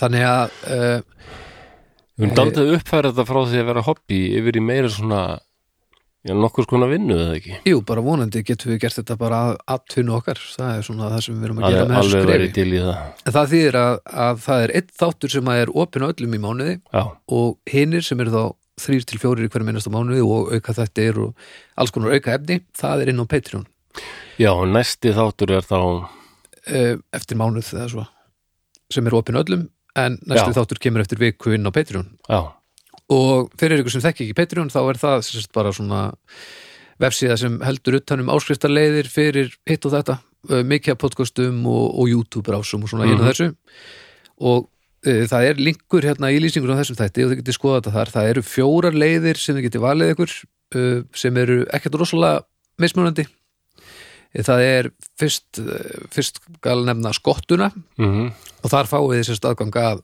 öllum þáttum, öllum auka þáttum öllu því sem við munum gera í framtíðinni e, þið fáið ykkar eigin hlaðvarpströym sem þið getið sett inn í flest e, hérna hlaðvarps upp sem þið hlustið í og þá fáið þið allt efnið bara beint inn í á, á sama máta og, og þið fenguð áður og þið eru kannski að mikla þetta svolítið fyrir ykkur að því að þetta, fyrir þá sem eru ekki testaklega teknisinnaðar eða eitthvað, þá hljómar þetta eins og eitthvað óviðstíðanlegt en þetta er innfaldara en það hljómar já, já, ég komst í gennum þetta og ég er nú ekki sérstaklega Nákvæmlega, tæknið fær.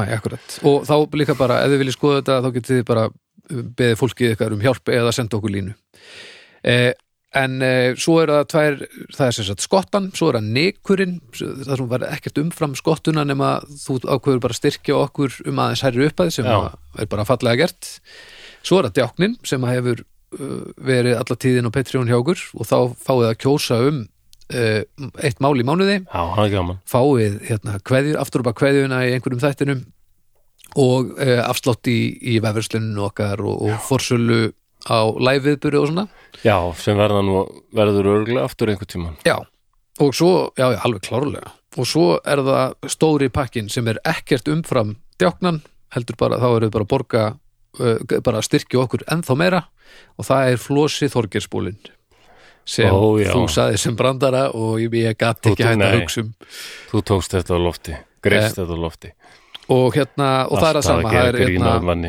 afslættur af, af, af, af vefversluninu og það allt saman og, herðu já, glemd að segja það við vorum að bæta við öllu lokið bólum inn á vefversluninu, Ó, ok, hann hefði getið tjekkað á þeim líka en þetta er allavega staðan, við ákvaðum að fara þessa leiðina og uh, vonandi bara takkið þið vel í það en eins og ég segi, uh, að þið skuldið okkur ekki neitt, það er bara dásalandi sem búin að hlusta á okkur í gegnum tíðin og það Já. kemur alltaf einn þáttur í hverju mánuð þannig að þið skulið hugsa að þetta kannski frekar að þið fáið já, uh, einn þátt í mánuði sem væri annars ekkert af því annars hefði þið eiginlega bara þurft að hætta þessu einmitt Svo er ennþá alveg fullt af þáttum sem Já, hundra þættir eða margir ég eru eftir að hlusta á svo inn á veiturum Já, en að sjálfsögðu þá væri uh, fyndist okkur mest gaman ef að, að þið getuð séða fyrir ykkur að koma og vera með okkur inn á Patreon Já. í, í hérna, einhverju formi einhver tíman en þið skoðið þetta nú bara og, og uh, laðu, svo bara sendið ykkur línu eða einhverju spurningar einmitt Svo er að drauga fórtíðar umræðuhópurinn á Facebook